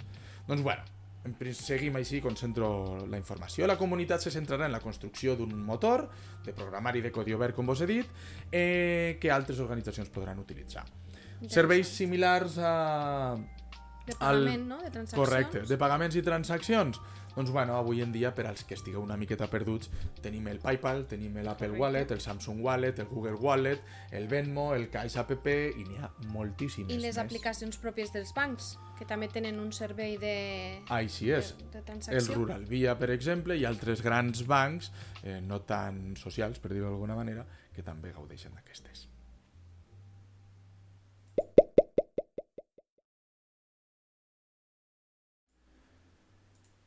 La Cimer va ressegada avui.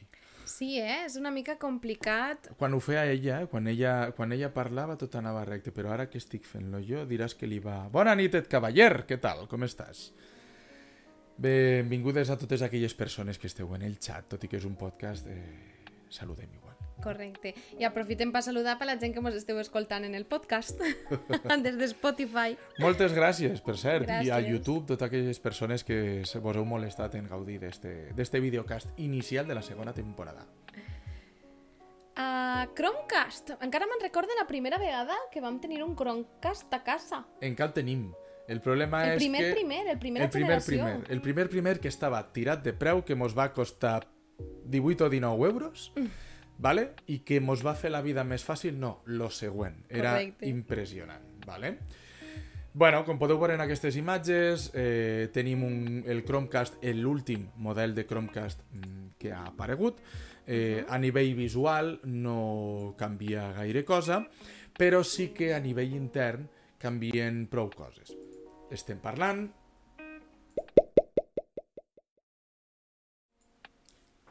estem parlant del Google Chromecast més econòmic del que podria ser la casa vale? de, de, de Mountain View. Eh, bueno, segons la pàgina alemanya, hem de dir i hem de recalcar que estem parlant d'una filtració, tot i que tot indica, arrel de diverses indagacions que he fet, que s'ha confirmat, val? tot i que Google encara, òbviament, no ho ha fet. És que just el dia 6 d'octubre, ha una presentació de nous productes de Google, entre els que destaquen el Pixel 7, el 7 Pro... bueno, és cos- que hem de dir que en esta casa eh, tot el que... A veure, tenim, tenim dilemes, no? Perquè nosaltres som molt de programari lliure, ho intentem quan està la possibilitat, però sí que és cert que tenim moltes coses de Google en quant a, a, a perifèrics i de més, i també de Microsoft. tenim aquí una barreja en esta casa, de veritat. de tot. Jo sóc bastant fanàtic de la tecnologia i arrastro la cimer pobra a, a totes... A, a la perdició, a la perdició. Doncs bueno, uh, res, estem parlant del Google Chromecast econòmic, és una versió retallada a nivell intern, per extern eh, és exactament el mateix, val? Uh, la pàgina de, de WinFuture de, um, ho presenta amb diverses imatges, que són dues d'aquestes les que esteu veient en pantalla, eh, portaria Google TV incorporat i ja queda clar que a nivell tècnic se sap val? que el model comptarà amb un processador de 4 nuclis, algo escuet, però bueno, funcional, avui en dia per a, per a, un, per a un gadget d'aquestes característiques, eh, amb lògic SA85 i 05 perdó, X2. Val? Mateix sistema operatiu, el problema és que escapa la resolució, ja no arribem als 4K, aleshores ens quedem en 1080, que ens serveix Però repercuteix en el preu, no? Clar, eh, resulta més econòmic, el hardware també, o sigui, per tots els components són més econòmics també, tot i que 1080 ens permet veure en HD, vull dir que en Correcte. aquest àmbit no n'hi hauria problema. I finalment el preu sí que és cert, eh, estaria sobre uns 40 euros, que personalment, 2 GB de RAM, un processador de 4 nuclis i per a veure-ho en una resolució de 1080 me sembla una mica car. Més que res quan avui encara tens un, un stick de Xiaomi, eh, l'Amazon Fire TV, eh, per 20 i pico euros, i ara que ve el Black Friday estaran per 18 o 19, Bueno, en a lo 4K i, re, perdó, i suporta HDR, és que no ho sé. Penso que a lo millor el que han volgut és, ser, és fer una, mm, com una versió més, més cara i una versió més ah, assequible per a segons quines butxaques. No? A lo millor el que estan valorant és això, perquè sí que és veritat que alguns, alguns articles que hem estat llegint a nivell tecnològic no? sobre el tema eh, dient això, que mm, encara no se sap ben bé la, la finalitat del preu que li han posat i si hi haurà algun canvi en els aparells. Per tant, podríem esperar a veure. Bueno, yo pienso que cuando el río sona, ¿no? El- en, Sí, cast- bueno. en castellà diuen que cuando el río suena agua lleva, I a, no? nivell, I a nivell de màrqueting els ve molt bé en les filtracions, eh? perquè Eh. així oloren com, res, i com respira la gent, o veuen com respira la gent. Eh? Jo penso que el, el fet de que, pues mira, això que dius tens raó, perquè eh, la gent, el públic fidel de Google, que eh, doncs, ja compraria un Chromecast de per, eh, per se, eh, veure 40 euros potser els, escandali els escandalitza, uh -huh. i resulta que el preu que sortirà després seran 35 o 30, i és un... O 39 en 99. Clar, i, i és, un, és un clar senyal de màrqueting impressionant, vull dir que té la marinera. Uh, fem un petit paró perquè mos esteu escrivint pel chat de Twitch, la gent del podcast i del videopodcast doncs no ho veureu, però mos estan fent comentaris superinteressants que ara vos contestarem. Uh... Bernat, bona nit. Hola, bona nit, què tal, com esteu? Uh, Ed mos parla del software d'aquest Chromecast que va molt bé, l'he provat a casa d'un col·lega, és molt pràctic i intuitiu de navegar per l'interfàs amb el mando. Clar, pues això és interessant, no? perquè al final eh, busquem una adaptació eh, amable no? o una in inclús per la gent que no acostuma a domotitzar les seues cases de ningun tipus, ni amb aparells com l'Alexa, etc. Uh, és, és una bona manera de fer una transició amable a nivell tecnològic, sobretot perquè avui dia també les televisions, totes ja comencen a tenir exclusivament Smart TV. A més, Friendly user. si, o sí. si vos plantegeu... En, en el nostre cas vam fer això. No vam comprar Smart TV perquè en l'època, les coses com siguen, eren molt elevades en el preu, però sí vam invertir en un Chromecast i a posteriori en un, en un Fire TV de- d'Amazon. I les coses com siguen. Pots invertir en una molt bona televisió no Smart TV, Full HD, fins i tot 2K o 4K, amb suport HDR, sense software inclòs eh, de Smart TV, però després te gastes 20-30 euros en un, en un gadget d'aquestos i és una meravella. Vull dir, una Smart TV aplicada al friendly... eh, Perdó, com ho dia Friendly l'Ed? user. Al friendly, user. Mos, ha, eh, mos ha agradat, eh? Mos ha agradat aquesta, aquesta eh, manera de nomenclatura, no? Per dir-ho així, el friendly user. Simer no voldràs fer-ho, però ho has de fer. Moltes sé. gràcies.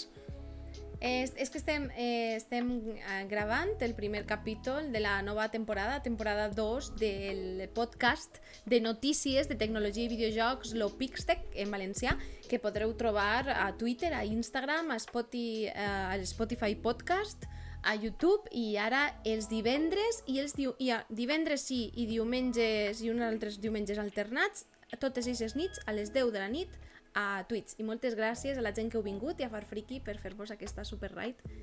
Gràcies i benvingudes, que guai. Super genial. Mira, el nostre Gràcies. primer programa i ens fan una raid com Déu mana. Moltes gràcies, de veritat. Que bé. Passem al següent? Passem, a- ja mos queden molts poquetes notícies de la ja per a anar tancant, així que passem.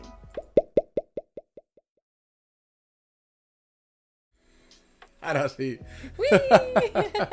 Ara sí, ha canviat la diapositiva com tocava la Bé. Shimmer. Ué, genial, genial. De tot s'aprèn, de tot s'aprèn. Bonicos vatros. Que guai. Doncs bueno, va, llitja el titular, Shimmer. per què tenc que llegir el, el titular d'un iPhone? És que és És veritat. que sempre igual, sempre igual. El nou iPhone 14 d'Apple, data llançament, preus, característiques... Vosaltres, la gent que mos esteu escoltant, sou dels que heu anat a fer la cua allà a Plaça Catalunya que donava la volta a la pomada? Eh, i, I per favor, i, i sou dels que, sense ànim d'ofendre, heu fet aquesta cua per a comprar un telèfon literalment igual que el de l'any passat, però mm, amb diferent nom i diferents colorets? Vulgarment dit. Bueno, les coses com siguen és una notícia molt gran, molt interessant, les coses com siguen altra vegada, en esta casa som de Android! Forever Alone. I pel que respecta als ordinadors, som de... Ah, ah, espera, que estava donant les gràcies. Perdoneu, perdoneu, m'estava donant les gràcies amb corets i besitos, com fa la Simmer sempre. Moltes gràcies. Doncs bueno, som de. Microsoft, Microsoft. vale? som de PC pur i dur, Correcte. i aquí el servidor de Linux. Molt, molt, moltíssim. Tot i que al final, per comoditat, sempre acabo amb Windows. Això és un fallo que tinc. sempre. Però, a més, és perquè, a veure, siguem francs, uh, jo treballo per l'administració pública i tinc Windows. Vull dir, al final, eh, sí que és veritat que això ho debatia en una persona l'altre dia, que eh, Windows, uh, el tema de, mm, de software, el té molt més inculcat, val? i per tant té més copat el mercat, no? per dir-ho així. Per tant, és, és inevitable que al final vagis a caure en lo que les aplicacions estan més lligades al sistema operatiu que és Windows. Mm, sí, sí, sí, total. Doncs bueno, mira, estava llegint ara per aquí, diuen, molt gran la trolejada que ha fet la filla de l'Steve Jobs a l'iPhone 14. Sí, sí, sí. De fet, si Steve Jobs aixecara el cap, segurament se'l trencaria perquè mm, ell era innovador, ell va ser l'innovador i precursor de, de, de, de l'iPhone i que mm, Apple, mm, només per puro màrqueting, al igual que fan, critico Apple, eh, no és crítica perquè les coses com siguen, és una empresa que funciona bé, fa uns productes immillorables, les coses com siguen, vale? però anem a atendre'ns a la situació. Mm, Val la pena treure un, un telèfon intel·ligent que és el mateix que el de l'any passat però amb diferent nom i canviant els colors i una miqueta la pantalla o la càmera? Pues la veritat és que, bueno, ara escoltareu el son. Esta zona està plena de... Bueno, de, de motos, de cotxes, fa calor i tenim la finestra oberta. Són coses del directe, disculpeu videocasters i podcasters. Doncs això, tornem, perdoneu, que mos eh, n'anem. Des de Cupertino, Califòrnia, vale, Tim Cook, el nou gerent d'Apple, eh, va presentar l'Apple Watch Series 8, l'Apple Watch, un nou SE, l'Apple Watch Ultra, així, doncs, per, per Apple Watch que no siga, i una nova generació d'AirPods Pro i, com s'esperava, la nova sèrie dels iPhone 14, que també, càgate l'orito, n'hi ha 4, 5... Estic pensant que pot ser, me sembla que n'hi ha 6 variants, entre 4 i 6, ara no ho recordo, ho sento, ara ho parlarem, ¿vale? Bueno, resulta que lo, max, lo més que fa, a grosso modo, són millors fotografies per la càmera frontal, gràcies a la seva tecnologia eh, nova, que es diu Photonic Engine, vale? l'han perfeccionada també, ofereix colors més brillants, unes fotos més vívides, vale? poca llum, eh? sobretot en poca llum, i els vídeos, en els vídeos han incorporat una nova manera d'estabilització més avançada. Doncs pues bueno, mm, ara mateixa les coses estan d'aquesta manera. Si ens n'anem a les característiques corresponents a la, a la web, val? Eh, és molt fàcil, anem a fer una comparativa a l'ús, ok? I aquesta comparativa a l'ús, bàsicament, eh, ens trobem el següent. L'iPhone 14 té una pantalla de 6,1 polzades, l'iPhone Plus una de 6,7 polzades. Pel que respecta a l'iPhone 14 Pro i l'iPhone 14 Pro Max, tenen la mateixa pantalla, 6,1 polzades i 6,7 polzades. Què dius? On estan les, les variacions? Pregunto, eh? Jo només pregunto on estan les variacions. Si parlem de l'iPhone 13, val? tenim eh, una pantalla de 6,1 polzades i l'iPhone 13 Pro Max una de 6,7. Hòstia, és que tenim el mateix. Però bueno, no passa res. Les fotos són més vívides. Pel que passa res, perquè respecta al preu, en este cas, l'iPhone 14 i 14 Plus estan a partir dels 100, de, perdó, 799 dòlars val? i 899 dòlars respectivament, l'iPhone 14 Pro i 14 Pro Max des de 999 a 1.999 dòlars, etc. Pel que respecta a iPhone 13 en el seu moment, exactament els mateixos pre preus. Pel que respecta a les càmeres, sí que varien una mica, les coses com siguen. L'iPhone 14 i 14 Plus tenen un gran angular de 12 megapíxels cadascuna i a diferència dels models de l'any passat, vale? el gran angular de 14 eh, Apple té un, un, un sensor més gran per a captar molta més lluny, el qual comporta que les fotos surtin millor. Bueno, coses similars. És que se busca que des de dins del propi mòbil, en qualsevol eh, empresa, se busca que tingui totes les prestacions possibles per a poder cobrir les necessitats a nivell tecnològic de la persona, no? Totalment. Si tinc el mòbil, tinc l'ordenador, tinc el, el rellotge, tinc l'agenda, tinc vídeos, tinc... És que jo cada vegada, mm, a nivell professional, evidentment les càmeres se continuen funcionant, però a nivell d'usuària, um, amb un mòbil podem fer unes virgueries impressionants, no? I estic d'acord en el fet de que no és necessari treure un iPhone cada any, que és el que espera, de més la gent que canvia d'any en mòbil només pel fet de tenir el, la nova versió, la nova sortida al mercat del nou iPhone. Eh, crec que la tecnologia avança, però no avança de manera que tu hagués de canviar o tingues la necessitat de canviar cada any el, el telèfon, en aquest cas un iPhone. Entenc també que a nivell de tecnologia o a nivell com nosaltres que ens agrada col·leccionar, ens agrada investigar, ens agrada tenir, no? Entenc que se vulga tenir cada una de les entregues que se fan en aquest cas del, oh, de l'iPhone. Ja, ja estaria superbé que poguérem, però tampoc és L'última inversió que vam fer, me sembla, va ser el Samsung Galaxy S22 Correcte. i des de l'S8, que és el que consideràvem va marcar un abans i un després, val? Eh, uh -huh. no n'hem tornat a tenir. Correcte. Tot i així, abans de del Samsung Galaxy S8, l'únic que vam tenir va ser l'S2 i l'S3, que van ser dos grans joies i dos grans avanços per Samsung. Clar, mm, no ho sé. Passarà el mateix, segurament, encara que sí que me sembla que canviarà el xip amb el Samsung Galaxy S23 valdrà la pena passar del 22 al 23? Doncs bueno. Haurem, haurem de valorar Tenim el xat una mica en ebullició. Si sí, me podríem eh? fer alguna algun comentari per a contestar. Uh, doctor Pipa, per exemple, per a qui mos esteu escoltant al podcast, uh, diu que és d'iPhone i Mac. Eh, tinc Mac des de fa 30 anys, um, també, de nhi perquè um, mis dieces, perquè a mi me costa moltíssim. Jo he tocat alguna vegada un Mac i la veritat és que em tenc que acostumar-se, però, uh, però reconec que el Windows avui dia també és molt potent, abans era un desastre. Estic subscrit a l'Office 360, 365 i és excel·lent. excel·lent. Aquí, aquí tenim també to, quasi tots els paquets que ofereix Microsoft, els tastem.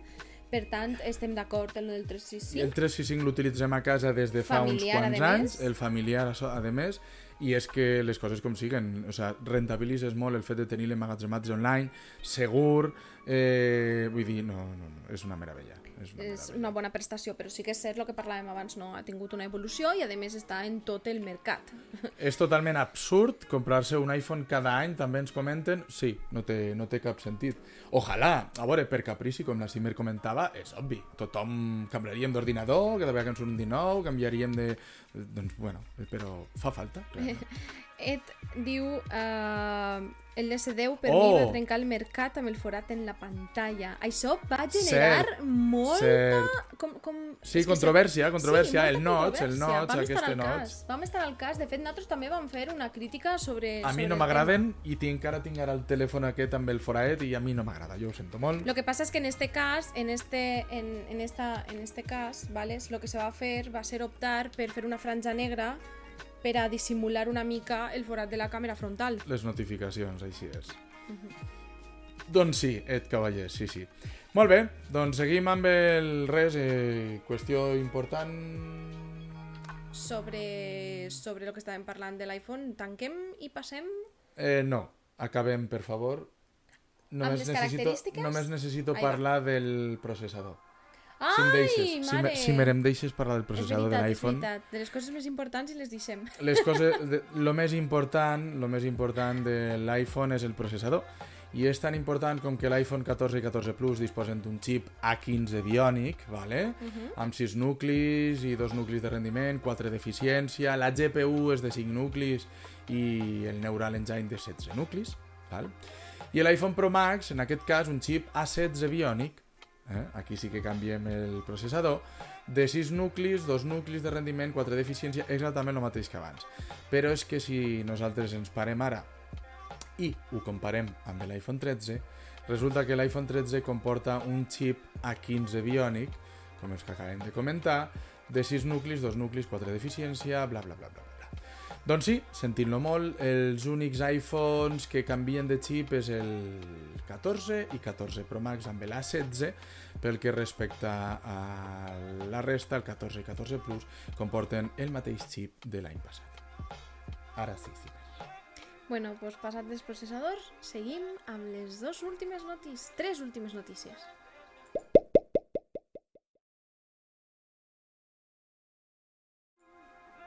Molt bé, doncs parlem del Huawei Mate 50 i Mate 50 Pro. Seguim amb els telèfons mòbils, en aquest cas els top de gamma eh, o la gamma top de, que presumeix Huawei eh, s'actualitza, s'actualitza amb cost, s'actualitza amb el seu hardware, s'actualitza amb el seu interior, amb les seues càmeres, bàsicament, eh, bé, és el que és. Huawei sempre innovant, Huawei sempre a la da, al capdavant, encara que després veureu que té una xicoteta limitació degut a repetides denúncies dels Estats Units a nivell internacional per espionatge.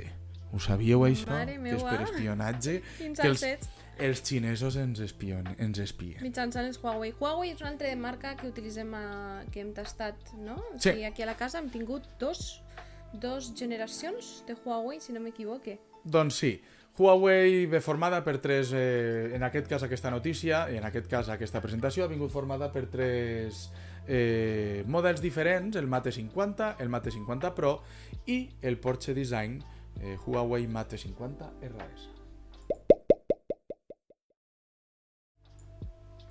No em donava temps a, a parlar, la Semer Ai, me ai. volia tallar.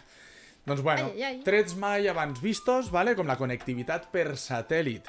Eh, un disseny, òbviament, com ja vos comentàvem, renovat. La part posterior, on el mòdul de les càmeres ara és circular i molt protagonista, ja no està Curiós, en un lateral. eh, el format, Ok. el disseny. Construït en vidre, com no, com la gran majoria dels telèfons avui en dia, cosa de la que no sóc partidària, des de que vaig tastar el meu HTC One M8. Eh, Deixa'm contar l'anècdota de la de l'HTC que se me va trencar. No, O qual, quin va ser? el Samsung Galaxy S8. Ah, pensava que havia, set el, havia sigut el... No, perquè era d'alumini, pot ser? El, Correcte. És veritat, cert. L'HTC el que va passar és que, com és el cas d'ara, teníem el mateix telèfon mòbil. Uh -huh, Simer i jo compartíem. Normalment, eh, quan tastem a posta un mòbil d'alta gamma, intentem que siguin de la mateix, els dos iguals. Mm, tal qual. Sí, sí. M'agrada el fet de que puguem compartir això. Doncs bueno, eh, construït en vidre, laterals d'alumini, com no, com la gran majoria, i protecció IP68 per a lo que respecta el eh, Mate 50 Pro. ¿vale?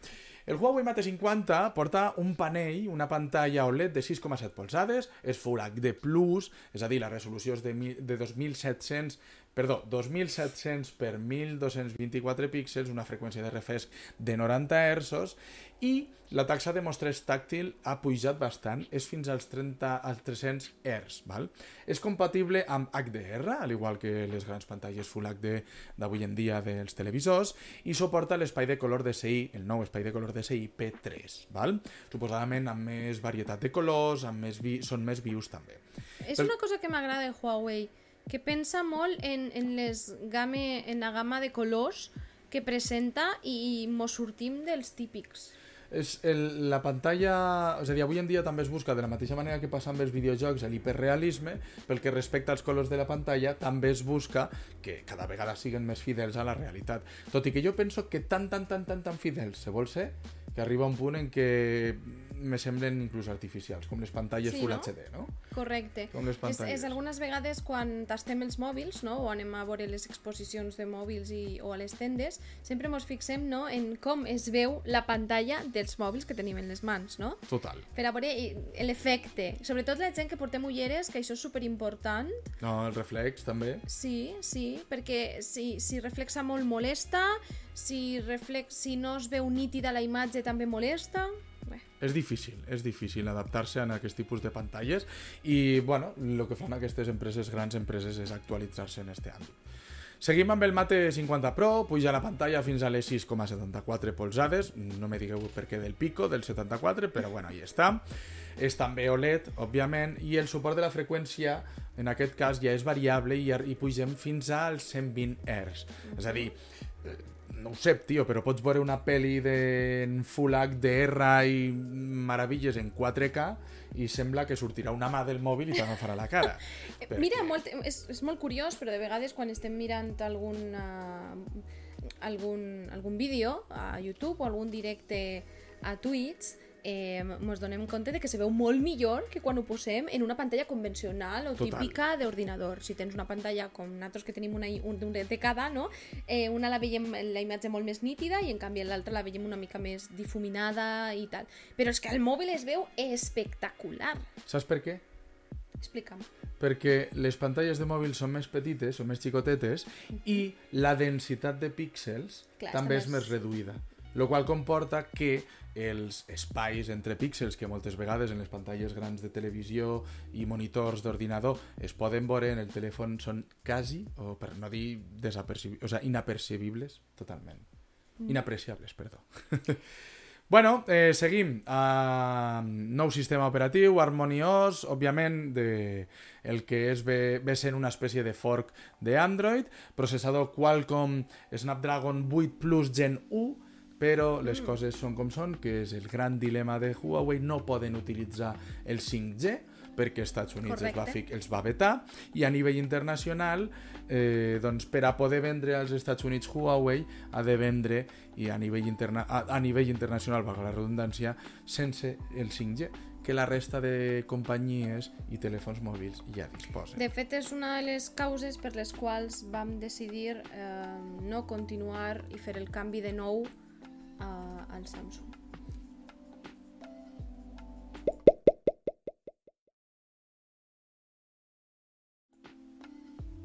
Bueno, doncs ja tornem a estar aquí.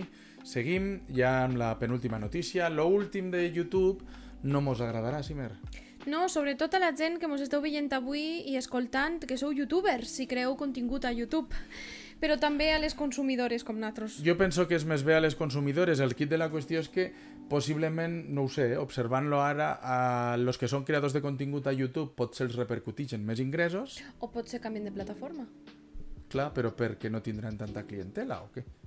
És que aquí eh, jo crec que és un 50-50, en el un mig-mig, no? En el sentit de que jo sóc creadora i sóc consumidora, en aquest cas, no? Mm -hmm. um, si jo veig que me baixa la gent que consumís el meu contingut perquè hi ha molts de, de vídeos, i, o sigui, molts d'anuncis, i no volen tampoc gastar-se diners, perquè sí que he de dir que això ja ho podríem fer en un altre Pixtec, eh, la quota que tu pagues de subscripció a YouTube és molt més baixa que la que se paga a Twitch, això és aixina, jo sóc subscriptora de molts canals, d'un parell concretament, perdó, per a mi ja són molts. Ha de corregir perquè sap que no m'agrada.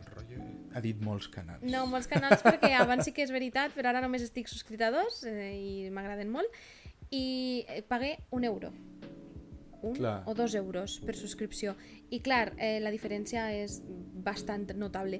Per tant, eh, pot passar això, no? Que no tinguen diners tampoc ni per a oferir este euro i se'n vagin a Twitch, que, el, que és gratuït, que és gratuït, la visualització és gratuïta i, i tal. O pot ser que la gent acabi subscrivint-se perquè a lo millor sí que té ese euro al mes o esos dos euros i al final eh, i al final pues, fan que creixen, que creixen els ingressos de, de l'streamer, perdó, en aquest cas del youtuber creador de contingut.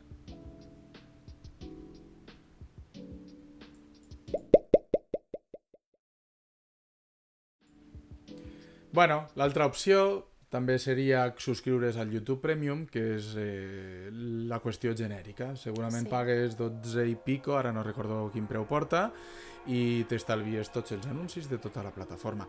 Clar, fins a... està clar que fins a quin punt eh, l'streamer que tu estàs veient sent d'una proporció paritària no? d'esta mensualitat que tu estàs pagant. Suposo que serà per consum no? i per, vis per visualització i temps vist. No? Clar, jo entenc que s'hauria de fer una, anàlis, una analítica, no? analitzar quina és la compensació, perquè al cap i a la fi, el mateix que passa a Twitch, tu fas una consumició de- d'anuncis i te repercutís en un 0,01, un 0,03 eh, en, en, econòmicament parlant, no? monetitzant a, a Twitch. Clar, això s'ha d'agarrar molt amb, amb Pinces. pinces, eh? Doncs bueno, resumim, eh, la qüestió és senzilla. YouTube està provant un nou format de 5 anuncis, els quals no pots saltar, te'ls has de menjar eh? sí o sí. El que sí que queda clar és que ha justificat, després de que diferents persones, diferents usuaris es queixen a les xarxes, sobretot a Twitter, ha acabat justificant YouTube que, Google en aquest cas, que aquests anuncis no excedeixen els 6 segons per anunci. Clar, fins a quin punt? 6 segons ara, però a la llarga, qui Clar. sap. Val? I depèn també de la quantitat de pago que se faci per aquesta publicitat. És a dir, si tu pagues per a que surtin 30 segons del teu anunci, t'has de menjar amb pataques si YouTube ha acceptat aquest pagament. No? Doncs sí, per ara és una qüestió opcional i només certs usuaris que estan dintre d'aquesta prova aleatòria eh, estan vivint aquest, o patint, millor dit, a, aquesta retaïla d'anuncis. Veurem més endavant si es fa oficial, si s'acaba d'implantar o com acaba. I valorarem el què? I rajarem el que faci falta. Faltaria més.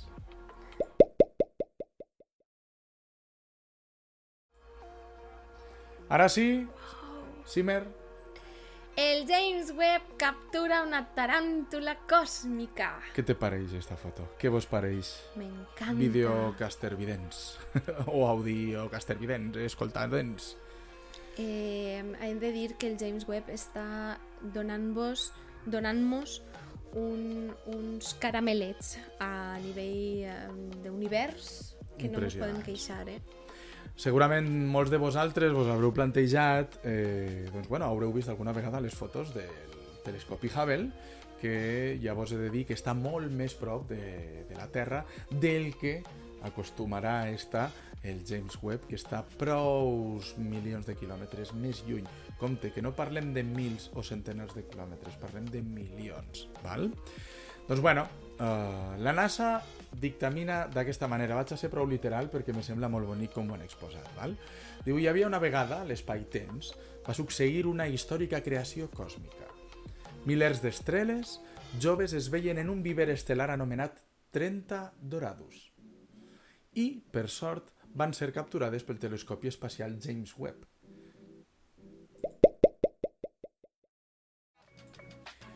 Doncs sí, amb aquesta imatge que teniu a la pantalla vos presentem la nebulosa de Taràntula, anomenada així, òbviament, si vos fixeu, pels filaments polsosos vale, que es mostren a la imatge. Doncs bueno, mm, només la tenim a 161.000 anys llum, que es diu ràpid, com aquell que diu, de distància eh, a la galàxia, que no està ni a la nostra galàxia, compte, a la galàxia del Gran Núvol de Magallanes. Ni que Magallanes haguera fet no? la, la, la, el descobriment del, de l'estret de, de l'Argentina. Sempre, sempre m'ha resultat curiós eh, els noms, no? Els, els noms científics, els noms científics, no? però després els noms que li donen als planetes, als, a les nebuloses, als cúmuls d'estreles de, i de gasos, etc. Eh, vull dir que és veritat que en algunes ocasions les imatges que veiem eh, sí que tenen una una exposició més modificada de la llum, del Home, color i de més. Si no, no podríem veure el que veritablement estem veient, eh? Però perquè s'ha de reinterpretar Correcte. donat que les càmeres que fan les fotografies no són a color. Són càmeres infrarroges, són càmeres ultraviolades, són càmeres eh, bàsicament que capten determinats tons de llum que d'aquesta manera poden arribar molt més lluny que no pas una càmera d'objectiu tradicional i a color. O com diu Barnae, estem més, més a prop de poder tastar això de que la cimera acabe un videojoc. La- Dels que comença. Eh, tal que sí. És, eh, jo, jo dono, jo dono per, per pagat que abans arribarem a veure aquestes nebuloses, rotllo Battlestar Galàctica, que, que la Cimer acabe un videojoc. Sobretot quan són aquests en els que ha d'indagar i ha d'anar investigant. Doncs, Bueno, bueno, no patiu perquè estic avançant molt en alguns, vale? doncs l'ho dit, a només només 161.000 anys llum de distància la galàxia, la galàxia del Gran Núvol de Magallanes, ¿vale? i és la regió de, de, de formació d'estrelles més gran i brillant del grup eh, local. Es diu així, grup local, ¿vale? que són les galàxies més properes a la nostra Via Làctia i que també és la llar, aquesta, de les estrelles més calentes i massives conegudes eh, fins al dia d'avui. És curiós perquè um, amb el web eh, també se pot arribar a analitzar certs elements de les atmosferes d'altres planetes. I això me va resultar super curiós, sobretot per la gent que no, no som expertes en el tema, sinó que som curiosos i ens agrada descobrir què és el que ens expliquen, com se fa, com, com ens porten i ens arriben a portar aquestes imatges, com funcionen els satèl·lits i els telescopis que llancen a l'espai per a poder, eh, poder rebre i captar eh, tota aquesta meravella, no? Que meravella que si mos parem a pensar un dia se mos menjaran aquestes coses, no? És, és surrealista. Quan col·lapsen les galàxies, no? A mi ja me costa processar les coses des d'una de, des manera gelada, ¿vale? des d'un punt fred. Ja me costa processar que, que, que puguem veure un planeta d'aquí al costat o que puguem veure el Sol o que fins i tot n'hi hagi, eh, òbviament, puguem arribar a la Lluna altra vegada o per primera vegada, això queda ahí en suspensió, com per a que a sobre un telescopi o nosaltres des d'aquí, mitjançant el telescopi, puguem veure eh, joder, eh, jo què sé, és que eh, tot el que estem veient tan lluny, tan lluny, tan lluny, està considerat com a galàxia jove, o sigui, com a l'univers jove. Nosaltres som molt més vell d'això que estem veient en aquesta I fotografia. moltes no? teories al voltant de, de com funciona l'espai-temps, no? I el que arribem a percebre com que ja ha existit no? el, el hipotètic viatge en el temps de lo que estem veient. No? Molt curiós, i jo vos recomane eh, a, un, a un tiktoker, youtuber que fa creació sobre ciència Sí. i eh, a nivell de ci- cien, eh, teories Física. quàntiques, física, física teòrica Mm. i tot això que es diu Datum Blog uh, vos el recomane al 100% perquè xalem i disfrutem moltíssim. I al TikTok es diu Date un short. Datum Short, no, el, crec que el short és en del short de YouTube, pot ser? No, no, al TikTok. Doncs pues Datum Short, Datum Short i Datum Blog, tal qual. Doncs bueno, directament dos càmeres, no hem fet ni transició. Pa! És veritat, se m'ha oblidat la transició, però no patiu, fa perquè mal al aquí estem. És veritat, me fa una miqueta... eh, eh, O estels i planetes a Twitter. És veritat, és veritat, que no, no el coneixia, aquest perfil de Twitter, i l'altre dia vaig veure un tuit. És cert, és cert, és cert. Explica, explica, que jo no el que coneixo, tenim això. creació de contingut en català sobre l'espai. I a Mastodon, si no m'equivoque, també tenim un perfil eh, sobre ciència espacial. Doncs mira, ja tenim convidats per a d'aquí un temps. Això ho hem de plantejar. Gràcies pel recordatori i pel consell, quede clar. Sí, sí, sí. Ara ahir Barnae coneixo el capítol del Simpson en el que n'hi ha dos avions perquè va explotar la Terra, s'acaba el fi de la Terra i un va cap a un nou planeta i l'altre se va cap al Sol. Sí, el conec, el conec. Bueno, hem tingut dues hores, violiste. Dos hores de contingut de notícies i d'actualitat de tecnologia i videojocs. Menos 15 minuts. Jo penso que és que t'enrotlles massa, Simer. Perdó? Bueno, la idea era fer una hora, si no m'equivoco, i al hora. final hem acabat fent una hora i tres quarts.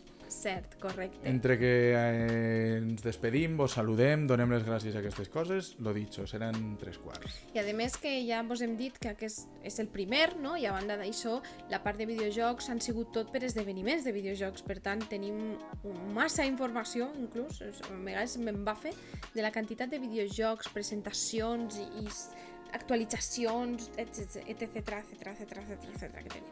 Bueno, esperem que vos hagi agradat tota aquesta filera de- d'informació que hem recopilat per a vosaltres. Eh, hem pensat que seria la més adient per a que poguereu conèixer, per a començar aquesta nova etapa, que esperem continuar si la feina i els horaris ens ho permeten.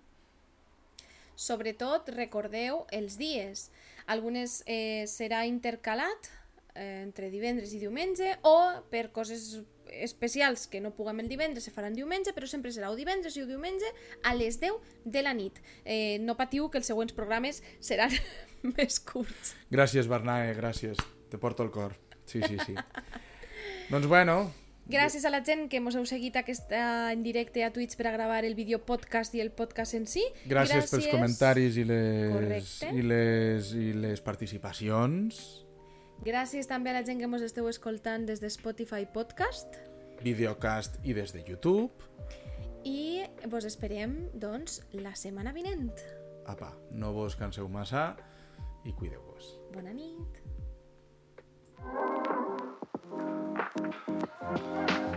Thank